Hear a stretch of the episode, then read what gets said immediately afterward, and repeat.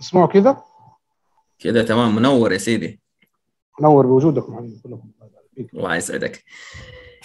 طيب. أهلا وسهلا أستاذ أحمد. الله يحييك. ضيف علينا. وعلى أستاذ عارف. شرفنا بيكم اليوم و آه، بإذن الله يكون لقاء كده جيد وأكيد يعني الصدى طيب من رواد الأعمال ب- بنوركم يعني وجودكم معنا وما شاء الله علمكم وخبرتكم ما شاء الله لا قوة إلا بالله.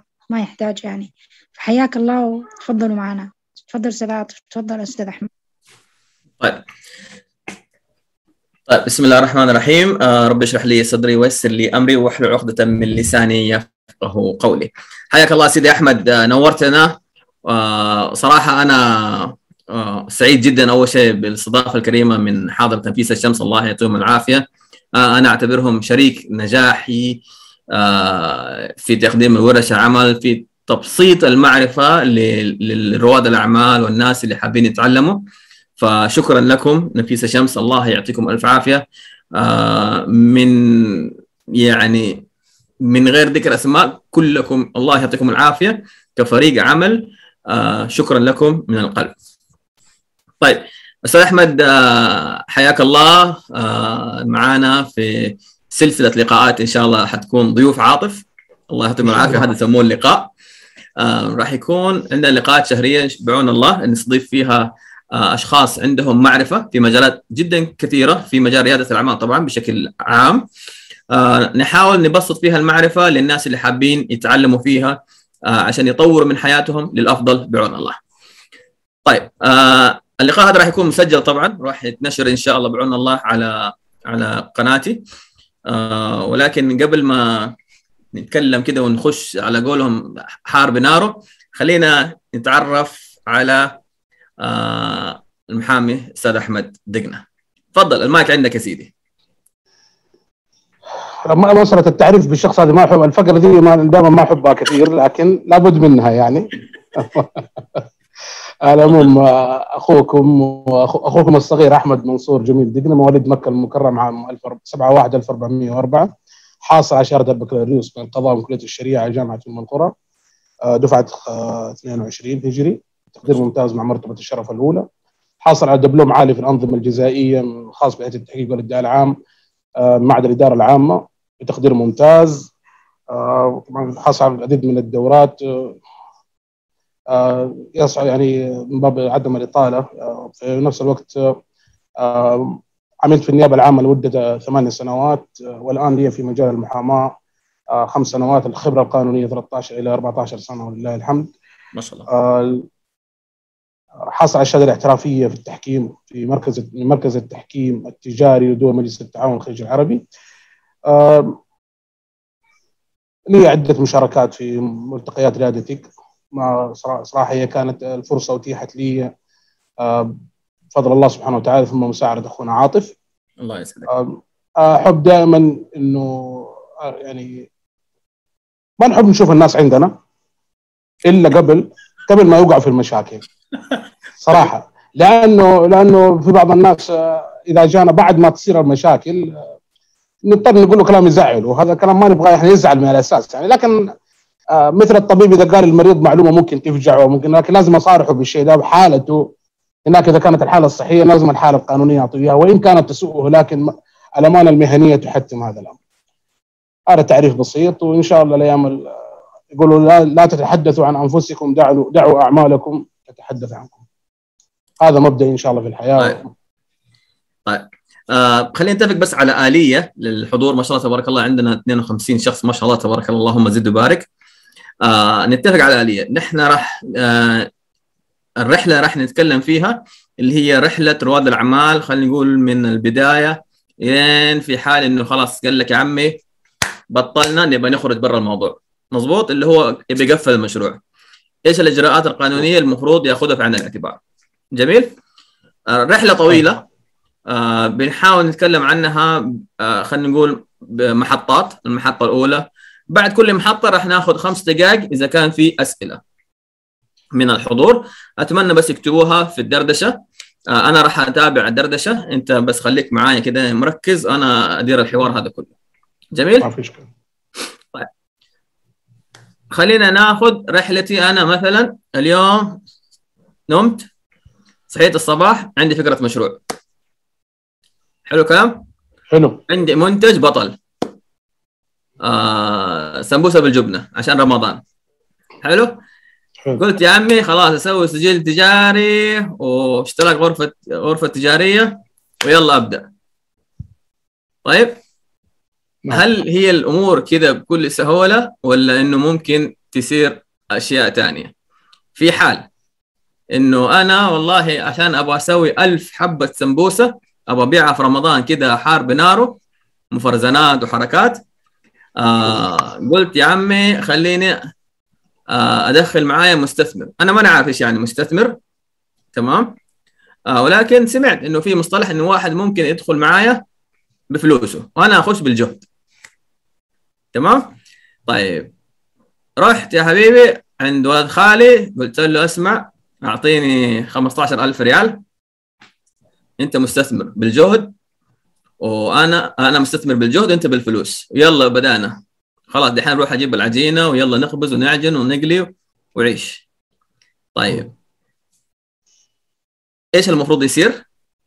ونبدأ من هذا على قولهم من خلينا نقول نأخذها من هذه الانطلاقة. تفضل سيدي أحمد. نعم. بسم الله.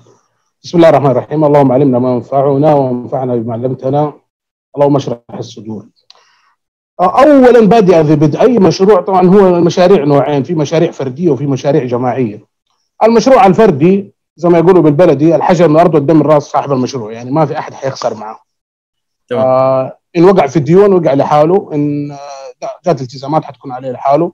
اللي نسميها المؤسسات الفردية قانونيا موجودة ككيان قانوني موجود يسمى مؤسسة فردية. ذمتها المالية نفس ذمة صاحبها لا تنفصل عنها. يعني لو كان عندنا مثلا مؤسسة ال- النجمة الذهبية للمقاولات صاحبها مثلا فلان ابن فلان لو قلنا زيد من الناس.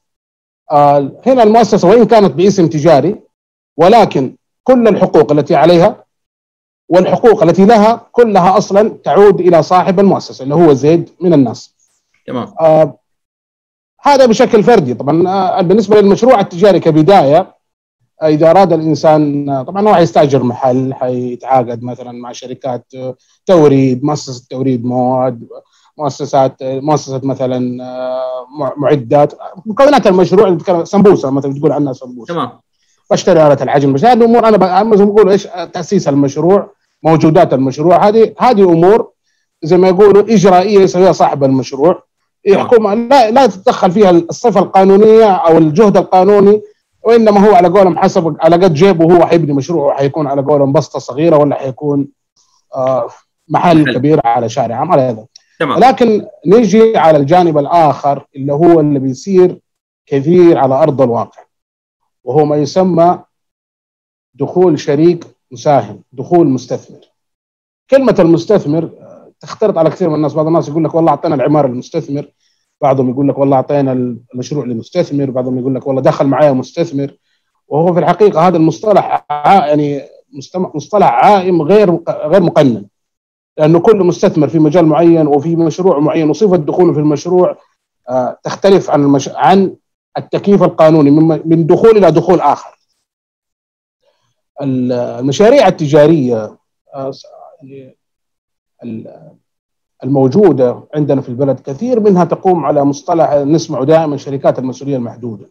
شركة نقرأ في الشارع ماشيين كذا شركة ذات مسؤولية محدودة. هذا أكثر الشركات انتشارا على أرض الواقع ولكن آه، لو جينا نتكلم عن صاحب مشروع طبعا آه، أو نتكلم عن الشركات عموما في شركات في الشريعة الإسلامية في شركة العنان اثنين يتشاركوا بمالهم يشتغلوا فيه اثنين مع بعض آه لكن الديون عليهم الاثنين الالتزامات عليهم الاثنين. واحد آه في شركة اسمها اللي هي اللي بتصير أو نقول لما نقول دخل أنا أنا أنا بسوي سمبوسة ودخل معي إنسان مستثمر بفلوسه وأنا داخل بيدي. واحد يشتغل بيده وواحد داخل بفلوسه. هذا في الاصطلاح الشرعي يسمى شركة المضاربة. لأن واحد يضرب في الأرض وآخرون يضربون في الأرض يبتغون من فضل الله. ذكرت في القرآن. الضرب في الأرض بالتجارة فيسمى الشريك المضارب اللي هو اللي يشتغل بيده وفي صاحب رأس المال اللي هو ما يفهم بين الناس أنه المستثمر. وهو في الحقيقة يسمى صاحب رأس المال مالك رأس المال المشارك برأس المال. المشارك بالعمل يسمى الشريك المضارب هو الذي يضارب بالمال يعني هو اللي بيشغل المال هو اللي بيشتغل ذاك صاحب المال حاط رجل على رجل يتفرج في ذاك على نسبة يتفقوا فيها فيما بينهم. هذه شركات المضاربة التطبيق الواقعي لها فيما يحصل. طبعا هو لا أتكلم عن التطبيق الحاصل من كثير من الناس. كثير من الناس حتى في هذه حتى في مسألة إنشاء شركة مضاربة شرعية ينشئها بطريقة خاطئة. وللأسف اقولها بكل أسف هذا الشيء واقع وموجود إنه قد يذهب إلى محامين يعدوا له عقود مضروبة. آه أنا أشبه المشروع للإنسان آه بعلاقة نعتبرها علاقة زواج زواج شراكة. المشروع التجاري شراكة. الشراكة هذه حينت... مثل ما الزواج بيجوا عليه أولاد وبتيجي فيه حقوق والتزامات وممكن ممكن يروحوا ضحايا في الرجلين زي ما يقولوا في النص. المشروع التجاري نفس الطريقة ممكن يروحوا ضحايا في النص. يعني لابد إنه بس لكن أنا. أنا حتكلم عن إيش المفروض تكون عليه. يجي صاحب العامل اللي ما عنده فلوس لصاحب رأس المال يعرض عليه فكرته آه يكون مثلا عنده تجربة سابقة والله شوف مثلا بعنا في إنستغرام والله في إقبال عندنا آه عندنا جمهور عندنا السلعة ما شاء الله رائجة ولها سوقها. اقتنع صاحب رأس المال صاحب الفلوس اقتنع آه قرروا الاثنين انه واحد يشتغل بيده والثاني يدخل بفلوسه. هنا في دي الحالة لابد إنه هذا الصريح الشريك المضارب اللي هو حيسوي مثلا حيفتح دكان مقليات سمبوسة وما إلى ذلك. بسطه مصرحه من البلدية برضه لازم يفتح مثلا أحتجنا لسجل تجاري. فتحنا السجل التجاري باسم الشريك المضارب اللي هو زيد من الناس معلم السمبوسة. معلم السمبوسة فتح المحل بفلوس آه لو قلنا مثلا زيد وعندنا حسين. آه حسين صاحب الفلوس وزيد آه معلم السمبوسة. أخذ حسين سلم 100000 200000 آه وات أي مبلغ. أخذ اللي هو زيد معلم السمبوسة المبلغ ده دخله في بدأ يشتري المعدات بدأ يستأجر المحل بدأ بدأ بدأ. العلاقة بين الطرفين هنا هي علاقة عقد أمانة. يعني صاحب المال مؤتمن الشريك المضارب. يعني حسين ائتمن زيد على ماله. واتفقوا على نسبة في الأرباح. 50 50 مثلا. أو مثلا صاحب راس المال قال أنا 60% اللي هو حسين زيد قال أنا 40% بحكم إنه أو أو العكس أو حسب ما يتفقوا الأطراف. وفي الغالب في الغالب تكون نص بالنص. آه كل هذه آه شركة شركة مضاربة شرعية ولكن أمام الناس الاسم الاسم اسم المشروع مسجل باسم زيد ما ما حد يدري أي شيء عن حسين. مين هو حسين؟ ما ماله ماله يعني ما هو طالع في الصورة هو داخل بفلوسه بس العلاقة مخفية بينه وبين زيد. دخل المشروع. الناس بتتعامل مع زيد فقط. هي ما تعرف حسين. بكرة النهار طبعا كثير من من المستثمرين أو من أصحاب رؤوس الأموال يخاف. يخاف من المخاطرة. يبي عنده فلوس مكدسة جالسة في البنك يبي يشغلها. وفي نفس الوقت ما بده يدخل في المخاطرة. طيب الآن صاحب رأس المال عنده رأس مال؟ حسين عنده فلوس عنده أرصدة بنكية خير من الله. آه زيد معلم السمبوسة يعرف يسوي سمبوسة بس يقدر يبيع ممكن في الإنستغرام ممكن يبيع. يبغى شغل وهذا الشغل مسبب له مسبب له ضغط كده فكري وعلى فكريا إلا بده يسوي مشروع يبغى يتوسع. والله قابل حسين في مجلس قال له كذا كذا. حسين كثير هنا الإشكالية اللي بيقعوا فيها أصحاب المشاريع اللي هم اللي يسموهم على قولهم الشريك المضارب يقع في هذه الإشكالية. كثير من اصحاب رؤوس الأموال يطلب يعني حسين يطلب جاء حسين قال له لا أنا أنا بدخل معك ب 200000 بس إيش تضمني إنه أنت حتنجح أصلا؟ أنا باك تعطيني سند لأمر أو تعطيني شيك. طبعا الشيك مصيبته مصيبة أكبر من السند لأمر. أو نفرض انه قال له هات سند لأمر بمبلغ 200000 يكتب في السند ما يكتب طبعا إنه مشاركة في في محل سمبوسة. لأنه كتب مشاركة في محل سمبوسة راحت عليه. عرف بعد كده إنه هذا المبلغ ليس غير مستحق للإرجاع إلا في حالة إنه المشروع كسب.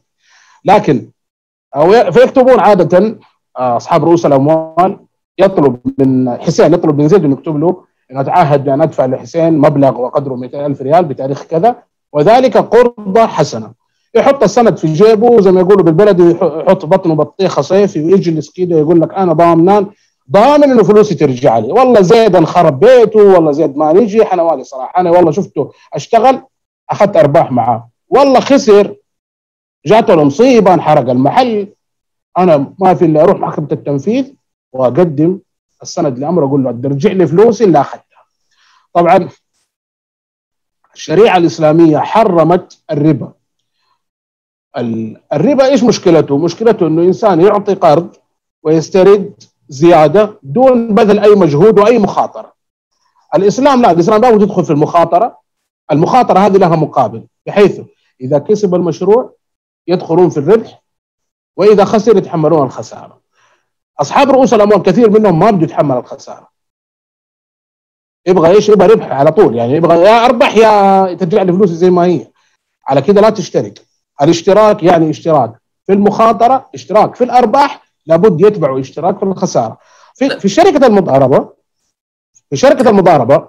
آه في شركة المضاربة آه لو فرضنا إنه إنه زيد آه دخل في المشروع بدأ المشروع آه ما توفق من الله ما ربنا ما كتب رزق خسر المشروع آه جو صفوا المحل يبيعوا المعدات بيجي مثلا نفرض إنه راس المال كان 200000 بعد ما صفوا المحل رفع آه، دفعوا رواتب العمال الاستحقاقات الرسوم الحكومية كل شيء صفي من ال 200000 هذه 50000 طيب نشيل. يجي زيد يشيل ال 50000 يرجعها لحسين يرجع له ما بقي من راس المال إذا بقي شيء من راس المال وإذا ما بقي شيء صفر وإذا كسبوا دخلوا بالنسبة للأرباح لكن طب هذا زيد إيش يخسر؟ يخسر جهده وتعبه وصاحب رأس المال يخسر ماله إذا وقعت الخسارة. هذا اللي هو المشروع اللي قلنا نتكلم مشاريع فردية وشريك من الباطن. دقيقة آه في نعم. بس عشان نوضح حاجة آه الخراج والضمان طيب آه نتفق إنه آه صححني إذا أنا غلطان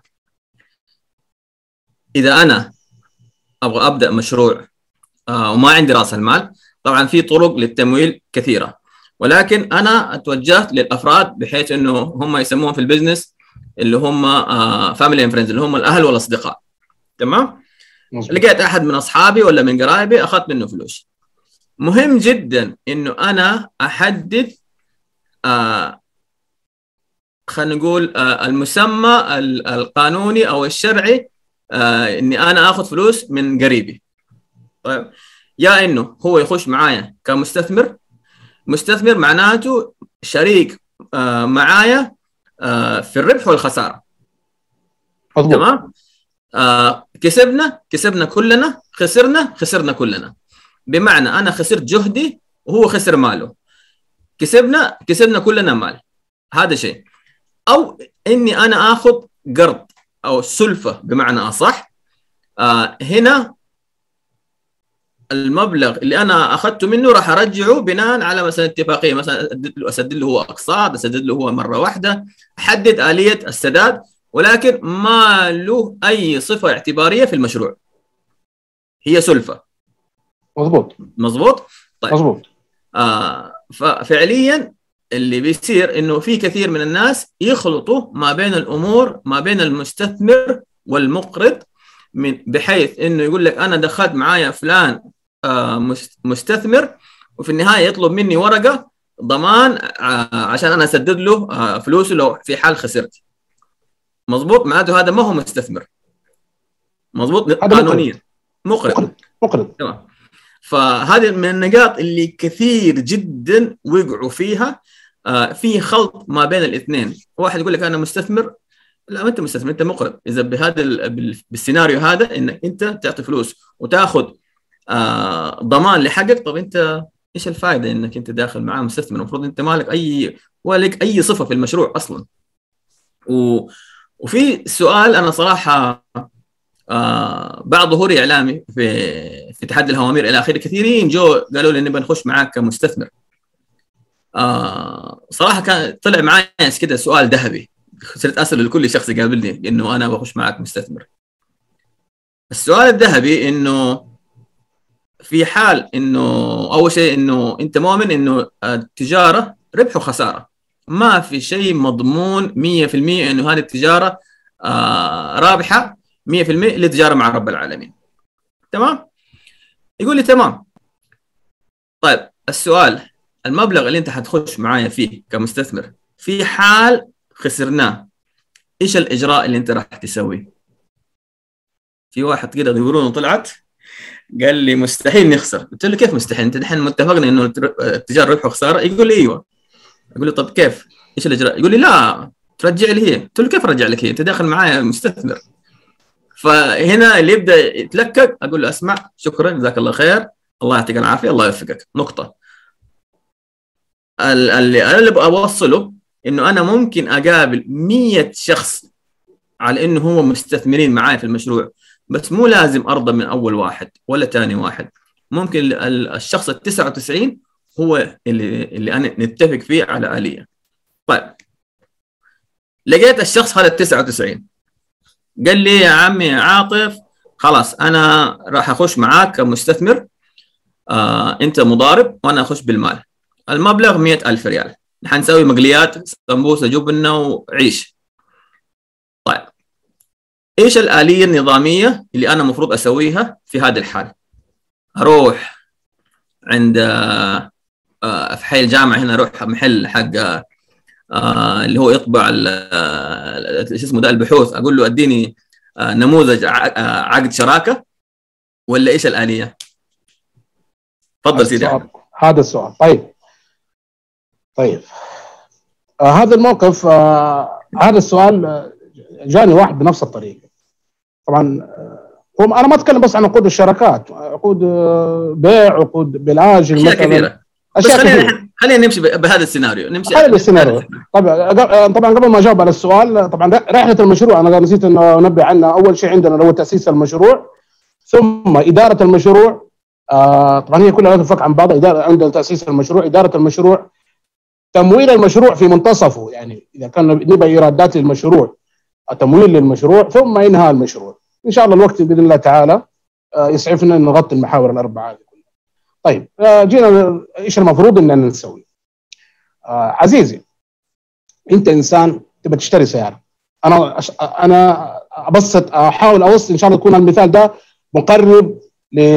للإجابة عن السؤال أنت إنسان تبغى تشتري سيارة والله سألت أنا بسياره مثلا في وسط البلد. إيش حأسوي؟ حسأل عن سيارة اقتصادية في البنزين حسأل عن كذا حسأل عن كذا حسأل عن سيارة صغيرة مواصف قطع غيارها مواصفاتها كذا كذا كل حاجة. وسائل الراحة وسائل التقنية وسائل جودتها سمعتها في السوق صيانتها. حسأل عن الأمور دي كلها. طيب أنا في الأخير ليش؟ لأنه بدي أدفع فلوس فيها. أدفع فلوس أيا كانت 50000 100000 300 أيا كانت المبلغ. أيا كانت المبالغ حتندفع في السيارة لكن في الأخير أنا حاشتري سيارة ما بدي أحط فلوسي كده على قولهم تروح على الفاضي طب إيش أسوي؟ أنا ممكن أروح ممكن ممكن أسمع في اليوتيوب ممكن أشوف في الإنترنت أقرأ عن أروح أشوف كتالوجات السيارات أسأل عن المواصفات أسأل ألف ليش السيارات معروضة في المعارض أصلا؟ بأجي أركبها من جوا بشوفها تناسبني ما تناسبني. طيب أنا إنسان بدي أسوي مشروع تجاري، أنا صاحب رأس مال. أنا إنسان بدي آخذ فلوس إذا كنت أنا صاحب رأس مال أنا حأدخل بخاطر بمالي. أنا إنسان بدي أضارب بفلوس الآخرين بدي أستثمر فلوس الناس بأخذها أمانة عندي.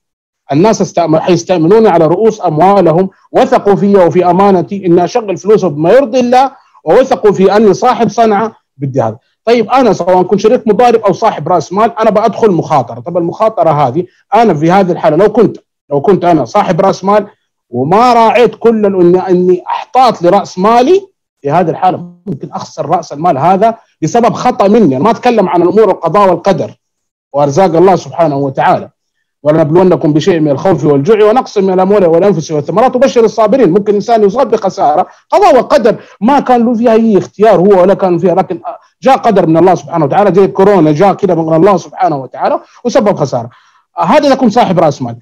طيب أنا كشريك مضارب بآخذ فلوس الناس. أنا إنسان أعرف أسوي سمبوسة وطلعت وانشهرت في السناب وفي الإنستغرام وفي الكلام ده. ورحت ودخلوا معي مساهمين برؤوس أموال وبدأت بطريقة قانونيا خاطئة. إيش اللي حصل؟ مجرد ما أخسر بسبب الخطأ الأخطاء. أنا ما أتكلم عن أخطاء جدوى اقتصادية هذا مو اختصاصي. أنا أتكلم عن أخطاء قانونية وقعت في المشروع. ومثله تماما صاحب رأس المال بسبب خطأ قانوني. ذاك حيخسر ماله هذا حيخسر اللي هو الشريك المضارب. رواد الأعمال كثير منهم شركاء مضاربين. حيخسر ثقة الناس فيه. ما حيقول والله هو غلط غلط قانوني. حيقول هو خسرنا. غلط دخلنا معاه وخسرت ما عاد. طب إيش سبب الخسارة؟ والله وقعت في خطأ قانوني. طيب الخطأ هذا ممكن الخطأ ده يسبب له إشكالية أحيانا إنه يضطر إنه يصير ملزم بإرجاع الأموال كلها كاملة. وممكن لا على حسب الخطأ اللي هو وقع فيه. هل كان في تعدي؟ هل كان في تفريط منه أو لا؟ لكن آه طيب آه خلينا دقيقة. الحين أنا, أنا ب... في طبعا في شوف أنت آه سالتني لا أنا فهمت بس خليني بس عشان أوضح حاجة لأنه نعم. أكيد في حتجينا أسئلة على الموضوع هذا. مظبوط. الإجراءات القانونية إذا كان بدخل معايا مستثمرين أو شركاء السيناريوهات مرة مختلفة ومرة كبيرة. نعم صحيح. تمام؟ سواء كان فرد سواء كانوا اثنين أو أكثر هل هو شريك آه كشريك مستثمر أو شريك آه في ناس يقول لك لا أدخل معايا بالمال والجهد. ففي أكثر من سيناريو. ولكن إحنا إحنا اتفقنا إنه ناخذ اللي هو السيناريو إنه أنا أحتاج واحد مستثمر يخش معايا بماله وأنا أخش بالجهد. مظبوط. تمام؟ طيب. آه. لقيت هذا الشخص إيش الإجراء المفروض أنا أسويه؟ هل المفروض إني أروح أو نكتب على قولهم ورقة وقلم ونحط كل واحد إيش المفروض يسويه بمعنى صح؟ اللي هو خلينا نقول إيش مهام كل واحد من هذول الاثنين في المشروع. تمام؟ طيب. طبعا آه آه اللي هو صاحب الصنعه ورائد الأعمال آه راح على قولهم يشيل الليلة كلها. المستثمر ممكن يكون له دور إنه كل مثلا ثلاثة شهور أو ستة شهور أو سنة أو بشكل شهري أو بأسبوع على حسب الاتفاق إنه يتابع إيش فيه آه على قولهم من أحداث مجريات بمعنى صح أنا أبلغه مثلا بشكل أسبوعي والله صار معنا كذا كذا بعنا كذا كذا. ادي له تقارير مالية أو أي حاجة تقول مؤشرات قياس أداء. تمام؟ طيب. نعم. اتفقنا إنه آه على قولهم على ورقة وقلم إنه يكون الآلية بهذه الطريقة. طيب. هذا طبعا بينه وبينه ولكن عشان يكون الموضوع نظامي وقانوني واضح المفروض إني أروح لمحامي. صح ولا لا؟ صحيح. طيب. ومو محامي واحد. أوكي. ومو محامي واحد. حلو. كثير من الناس والله فلان صاحبي ولا فلان قال لي أروح لمحامي وأروح للثاني. أروح المحامي الأول. أنا بدي أقول إيش المفروض أنت لما تروح لمحامي إيش تقول له؟ أنا يجوني ناس أعطيني عقد شراكة كم كده السؤال اللي بيجيني من من الناس كم سعر عقد الشراكة؟ إيش كم سعر عقد؟ ما بنبيع إحنا طرمبة ما هي ما, هي كده يعني ما إيش هو كم سعره؟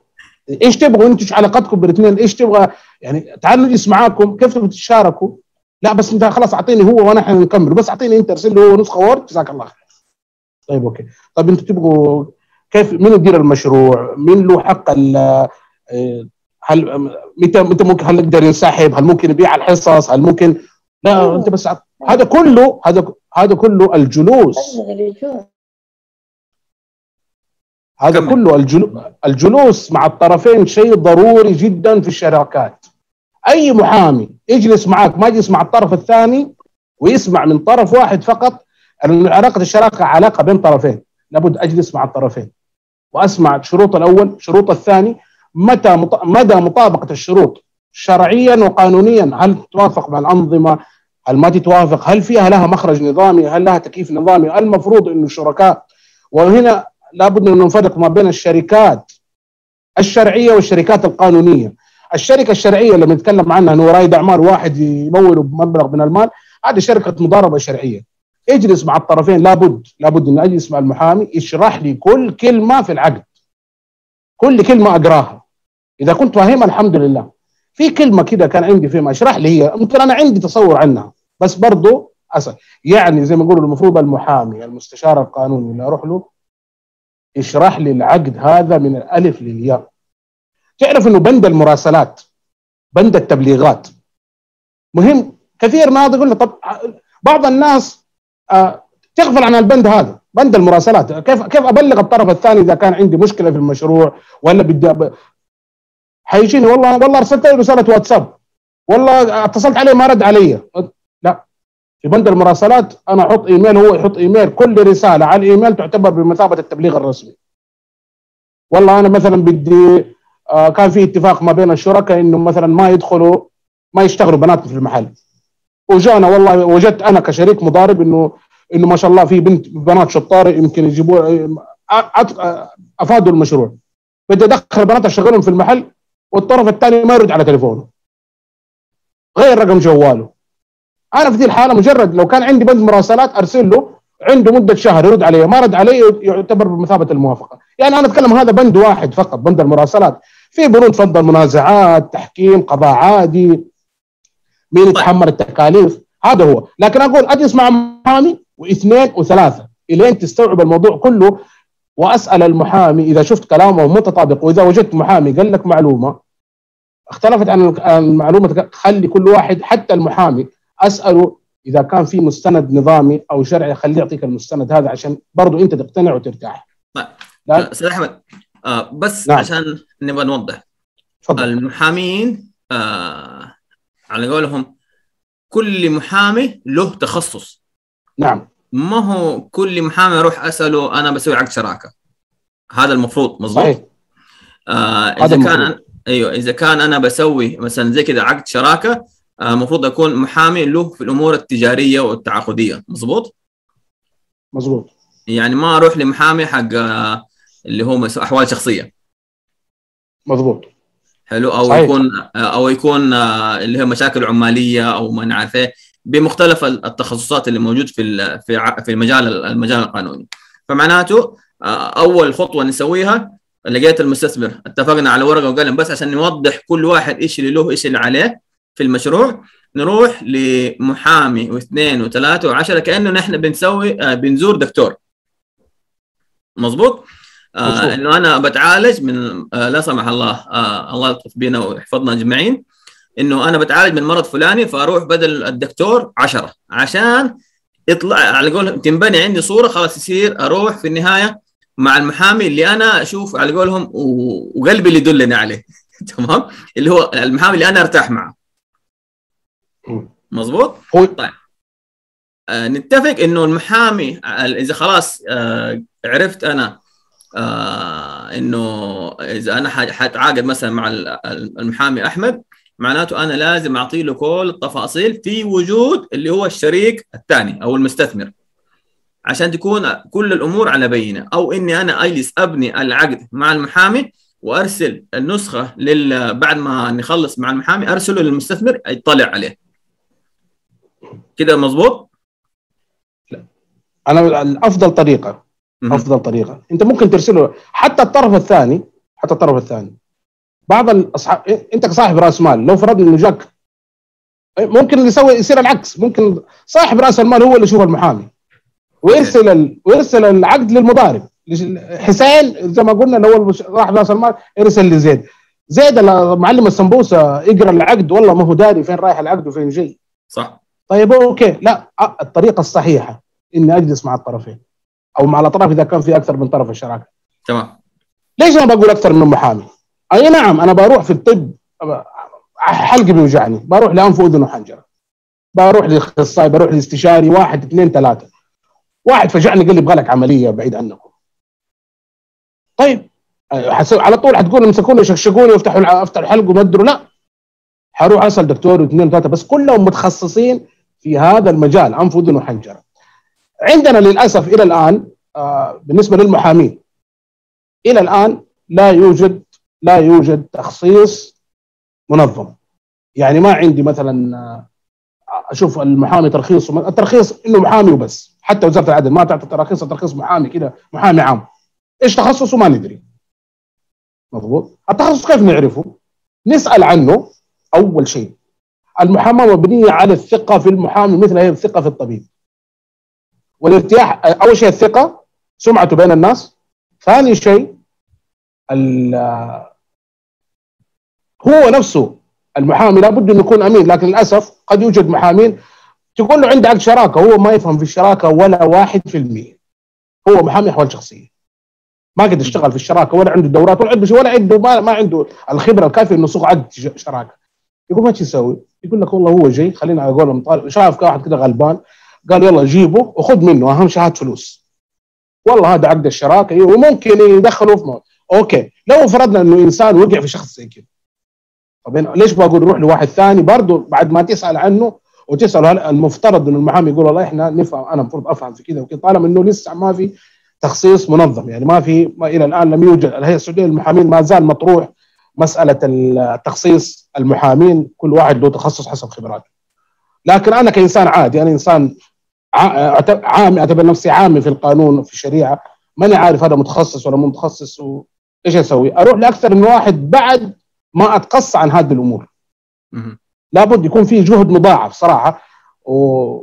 لأنه اللي موجود في السوق الآن في السوق القانوني ما في شيء كده على قولهم ترخيص ولا محطوط عندي. مثلا ترخيص مزاولة المهنة الصحية والله هذا صيدلي هذا اخصائي أنف وإذن هذا اخصائي أعصاب هذا هذا تخصصه أورام. لكن هنا ما في. هنا ترخيص مزاولة مهنة المحاماه والاستشارات القانونية. إيش تخصصك يا معلم؟ في محامين سبحان الله بتاع كل. كل حاجة. كل حاجة كل شيء. ما يرد حاجة. يألف تعلم زي ما بتعلم الحلاقه عروس اليتامى. زي ما نقول بالبلدي يعني.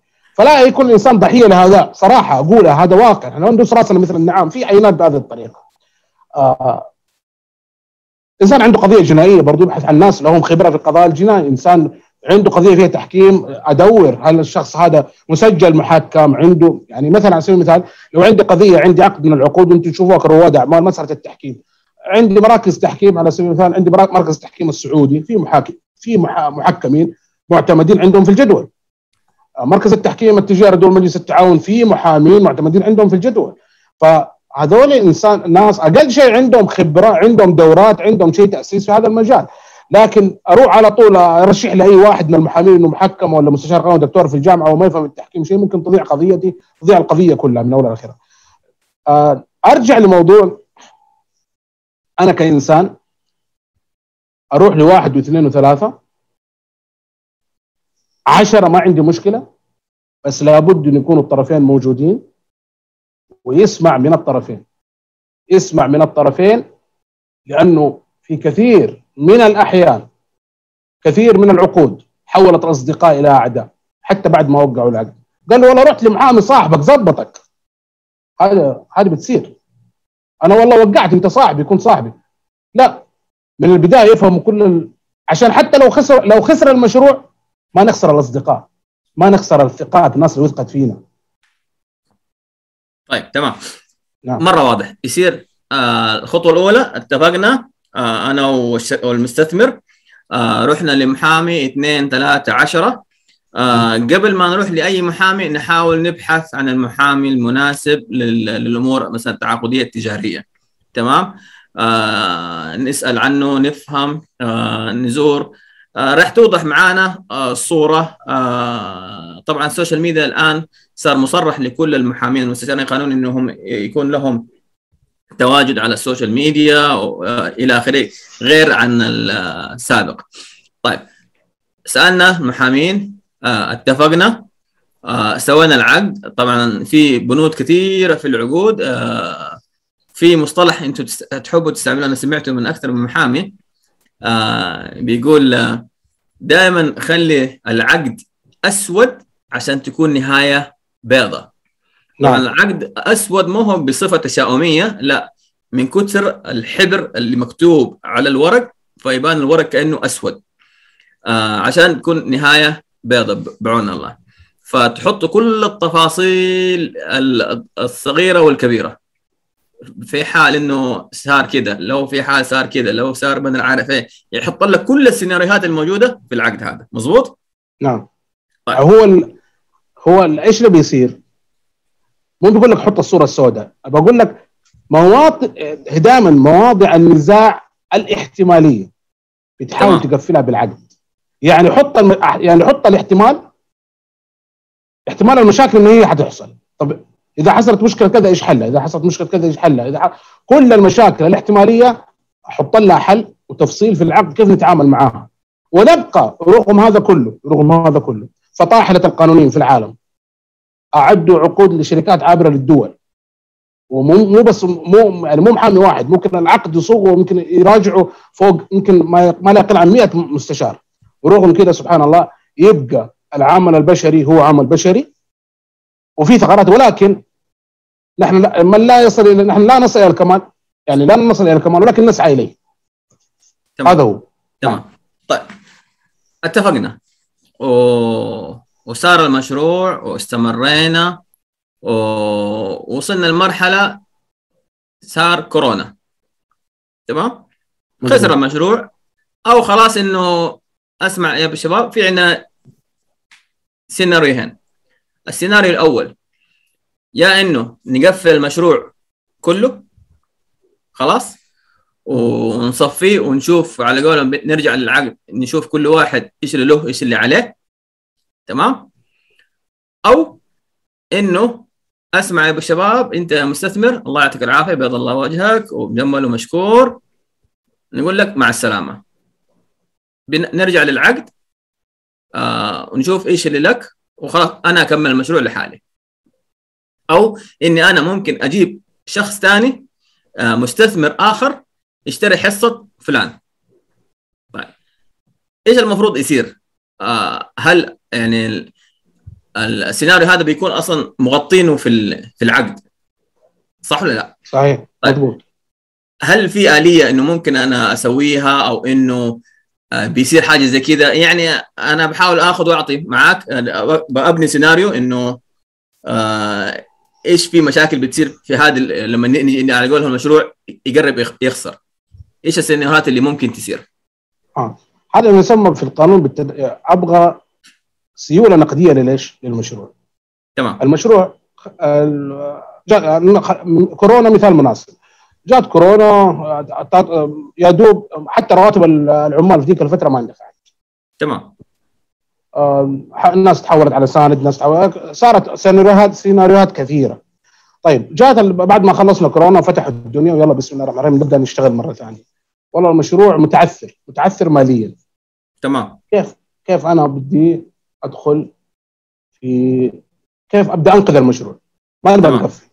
لو قلنا ما نقفل خلاص بيع خلص صفي يسموه تصفية. صفي المشروع وخلص صفي الشركة. تمام. بيع الاجهزه بيع كل شيء صفي أبونا أنت هذا حقك هذا حقي خلصنا.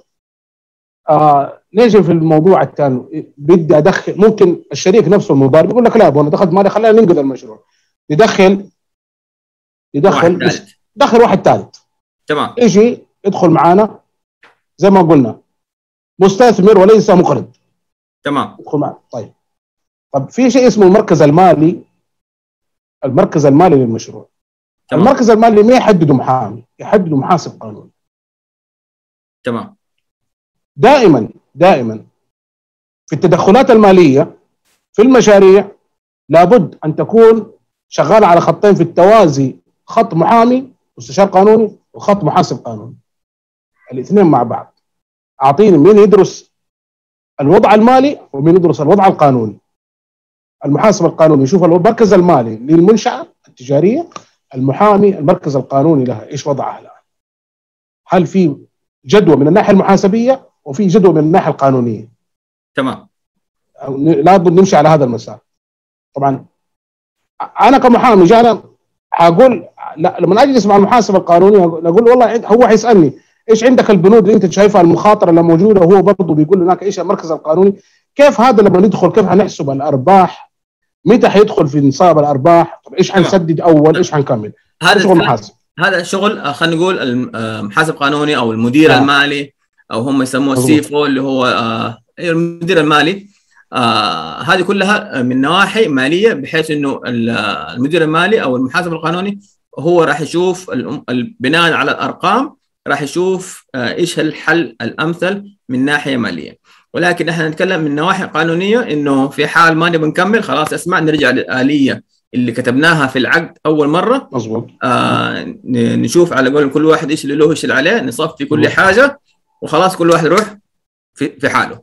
تمام؟ مظبوط. طيب. نعم. هل في آه، بعد ما خلصنا موضوع اللي هو المستثمر خرج من الموضوع. طيب. أنا كصاحب المشروع إيش المفروض أنا أسويه عشان أقفل؟ مثلا لو أنا خلاص أبغى أخرج من برا السوق مرة أبغى أقفل السجل التجاري وما أنا عارف إيه هل هذه أنا أسويها بنفسي أو إني أنا أفوض بيها؟ محامي أو إنه معقب أو يعني إيش الآلية المفروض اللي بتصير في ال في في, ال في على قولهم في ال في هذه في هذه الفترة؟ أها. طيب آه أول شيء إحنا في البداية لما تكلمنا عن, عن كل إلى الآن كلامنا كله بنتكلم عن شركة مضاربة فقط. تمام. وشركة المضاربة هي جزء من الشركات الشرعية فقط. في شركات قانونية ما تكلمنا عنها. تختلف كياناتها شيء كثير عن الشركات الشرعية. أكيد. أكيد أكيد. نعم. حنجيها. بس دحين خلينا بس نخلص هذا لأنه في عندنا كم كم سؤال.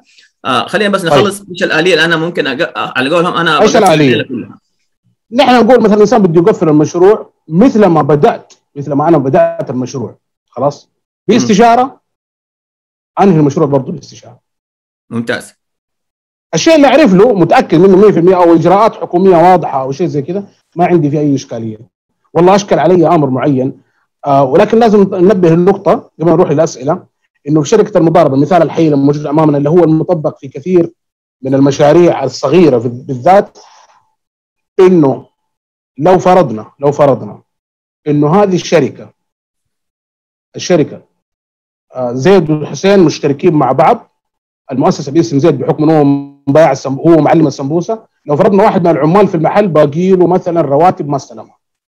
تمام. من ضمن الدائنين. هو هو كأنه دائن للمؤسسة. في الظاهر هو دائن لمعلم السمبوسه زيد لكن في الحقيقة في الشرع في الواقع المفروض ما يدخل معه في المخاطرة برضه في الدين ده. صاحب رأس المال. مضبوط المستثمر الخسارة لابد يدخل فيها الإثنين. يعني لو فرضنا إنه أقيمت دعوة من المحكمة العمالية على شركه على محل زيد لبيع السمبوسه بالمطالبه براتب متأخرات مثلا 10000 ريال. وجينا وبعنا كل المحل صفيناه وما بقي إلا ما 5000 وبقيت ال 5000 حقت العامل الثانية دي يفترض يفترض مين يتحملها؟ يتحملها الطرفين. صاحب رأس المال يدخل في الأرباح وفي الخسائر ومن ضمن الخسائر الالتزامات. طيب تمام. طيب. آه بس أبغى أوضح حاجة صححني إذا أنا غلطان. آه في حال إنه أنا كنت في الصورة أنا كصاحب المؤسسة والمستثمر على قولهم آه ما هو ظاهر. هذا في حال إن كان المسمى النظامي للكيان التجاري مؤسسة فردية. مضبوط. تمام؟ نعم. العقد اللي يصير بيني وبين المستثمر يصير عقد بالباطل. صحيح. رسمي وموثق آه وكل حاجة. تمام؟ نعم. طيب. لا شوف شوف كلمة رسمي كلمة رسمي تختلف العقود الرسمية لما نتكلم عن كلمة رسمي خلاص في شركات يسموها الشركات النظامية. تمام. هذه تسجل في وزارة التجارة وتعلن وتسمى الشركات الرسمية عشان يحصل خلط عند المستمعين. هذا ما أقول ما يصير عقد رسمي يصير عقد شرعي ملزم للأطراف. تمام. في فرق بين الإلزام بين العقد الملزم وبين العقد الرسمي. أيوه عشان كذا اللي هو ال ال الناحية الثانية إنه بدل ما يكون الموضوع مؤسسة فردية وأنا اللي بكون في في الصورة والمستثمر ما هو ظاهر في الصورة ويسوي عقد ثاني ولما تصير في مساءلة مالية آه على قولهم الذمة المالية حقتي مربوطة بالمؤسسة. فمعناته لو صارت أي مشاكل في المؤسسة أنا حساباتي البنكية راح تتوقف الشخصيه لأنه الاثنين مربوطة ببعض الذمة المالية اللي هو امور المالية مربوطة بالمؤسسة الأمور المالية الشخصية مربوطة بالمؤسسة الفردية. تمام؟ ولكن السيناريو الثاني إني أنا ممكن أسوي شركة آه طبعا في تأسيس الشركات الرسوم تأسيس الشركات مختلف اختلاف كلي عن رسوم آه تأسيس المؤسسات الفردية. أنا أتكلم من نواحي مالية. آه من نواحي قانونية برضو تختلف الإجراءات. غير كده المتطلبات كمان حتى من وزارة التجارة متطلبات من البلدية إلى آخره. في الموضوع مرة مختلف بين الاثنين. ولكن الفرق الرئيسي ما بين أو خلينا نقول الجوهري إنه الشركة أو الشريك بيكون معايا ظاهر بيكون آه على قولهم آه مسجل في وزارة التجارة إنه أنا شريك وفلان شريك. آه ما على قولهم لو صارت مساءلة يصير نحن الاثنين مسائلين ولكن في المؤسسة أنا اللي في الصورة. الشيء الثاني لو صارت أي مشاكل مالية الذمة المالية الشخصية مفصولة عن الكيان التجاري. مظبوط كده؟ مظبوط صح. طيب. هذا بالشركات آه. الرسمية أو نسموها الشركات النظامية. تمام. الشركات الشركات الشرعية اللي هي شركات المضاربة الشرعية المسمى لها شركة بعقد ملزم للطرفين ولكن لا تعتبر لا نسميها شركة رسمية. تسميتها شركة رسمية يخلطها لا الشركات الرسمية اللي هي مسجلة في الحكومة هذه هذه هذه بيصح إنه نقول عليها شركة رسمية. تمام. لا يعني إنه ذيك ما, ما يتر... العقد إنه يقول له اشرب مويته لا العقد ملزم للأطراف. تمام ما ما شك فيه ولكن آه. نتكلم على إنه آه هل هل العقد عقد الشراكة هذا مسجل في وزارة التجارة أو غير مسجل؟ لا. هنا يختلف الموضوع. لا يختلف الموضوع. نعم طيب صحيح. تمام. كده بس عشان أنا آه أوضح الأمور لأنه هذه من الإشكاليات اللي أنا وقعت فيها. كنت أحسب إنه أنا لو فتحت مؤسسة خلاص معناته أي أحد أنا وقعت معاه هو شريك معايا كده بشكل مباشر. آه بعدين لما قلت لا قالوا لي ما هي الآلية كده لازم تسوي آه عقد اللي هو آه سجل تجاري باسم شركة ما هو مؤسسة فردية. قلت طيب أوكي خلاص يلا توكل على الله روح وزارة التجارة سوي تحويل من مؤسسة لشركة. لقيت يا عمي آه يعني سيناريو مرة كبير آه الناس تستسهل الموضوع إنه بس سوي شركة وخلاص لا آه لازم لك أنت أول شيء رأس مال عالي لأنه في رسوم التس... رسوم التحويل آه يحتاج لها رسوم آه بعدين السجل التجاري التكاليف الرسوم السجل التجاري للشركة غير المؤسسة في إجراءات نظامية تصير آه زي آه نظام مقيم وما نعرف إيه في اجراءات كثيرة بتصير. في تقويم في تقويم للأصول. في شيء اسمه مضبوط تقويم الاصول نعم. ويبغى لك كمان إضافة لذلك. يبغى لك آه مكتب آه مكتب محاسب آه معتمد على أساس نعم. إنه مكتب مراجع أساس يراجع القوائم المالية. آه يعني في اشتراطات مرة كثير طيب آه حناخذ دحين كده بس. أنا حبيت اتطرق الأمور هذه بس عشان نوضح الأمور. آه خلينا ناخذ أسئلة اللي موجودة هنا على السريع.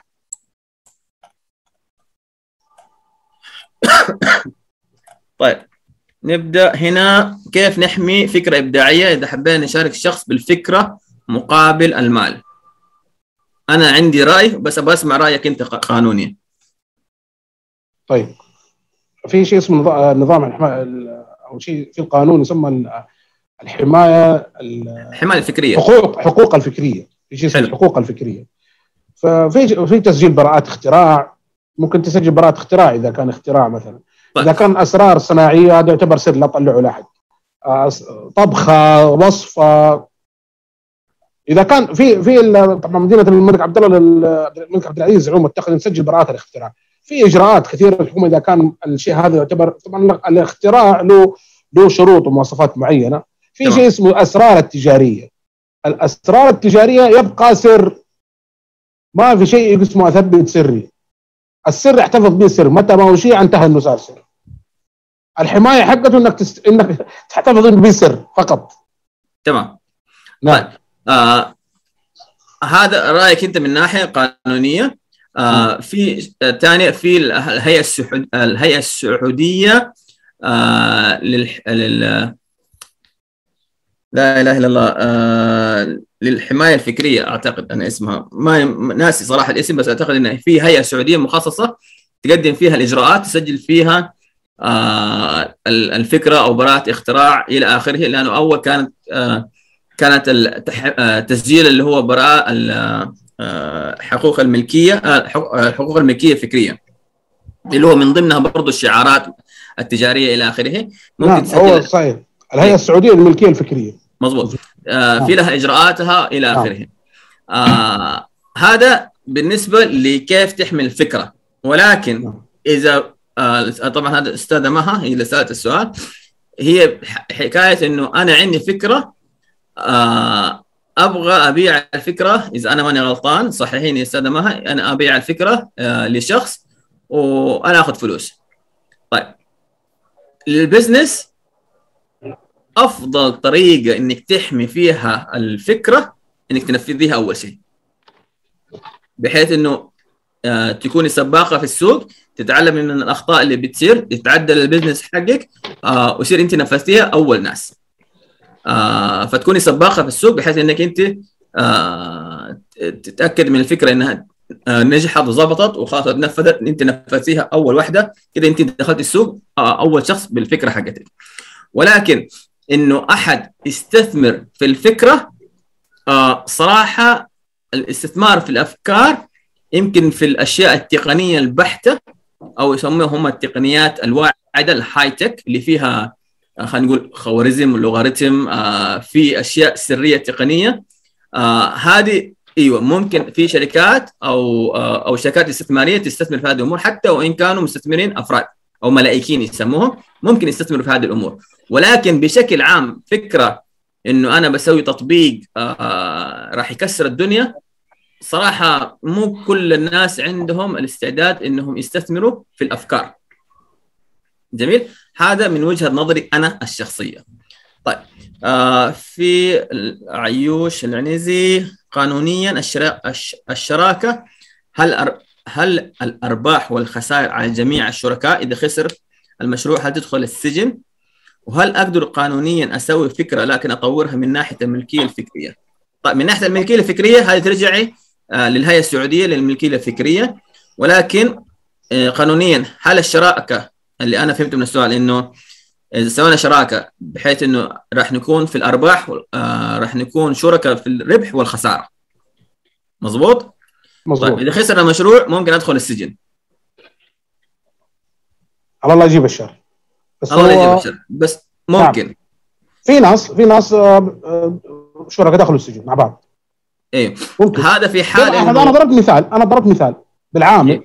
لو فرضنا إنه عامل باقي له مثلا آه، عمال باقي لهم 50000 والشركة اقاموا أقاموا الدعوة على صاحب المؤسسة، صاحب المؤسسة طلع العقد قال أنا معايا شريك طبعا أنا حكم عليه بالمبلغ 50000 إنه يدفع للعمال 50000 هو صاحب مؤسسة فردية.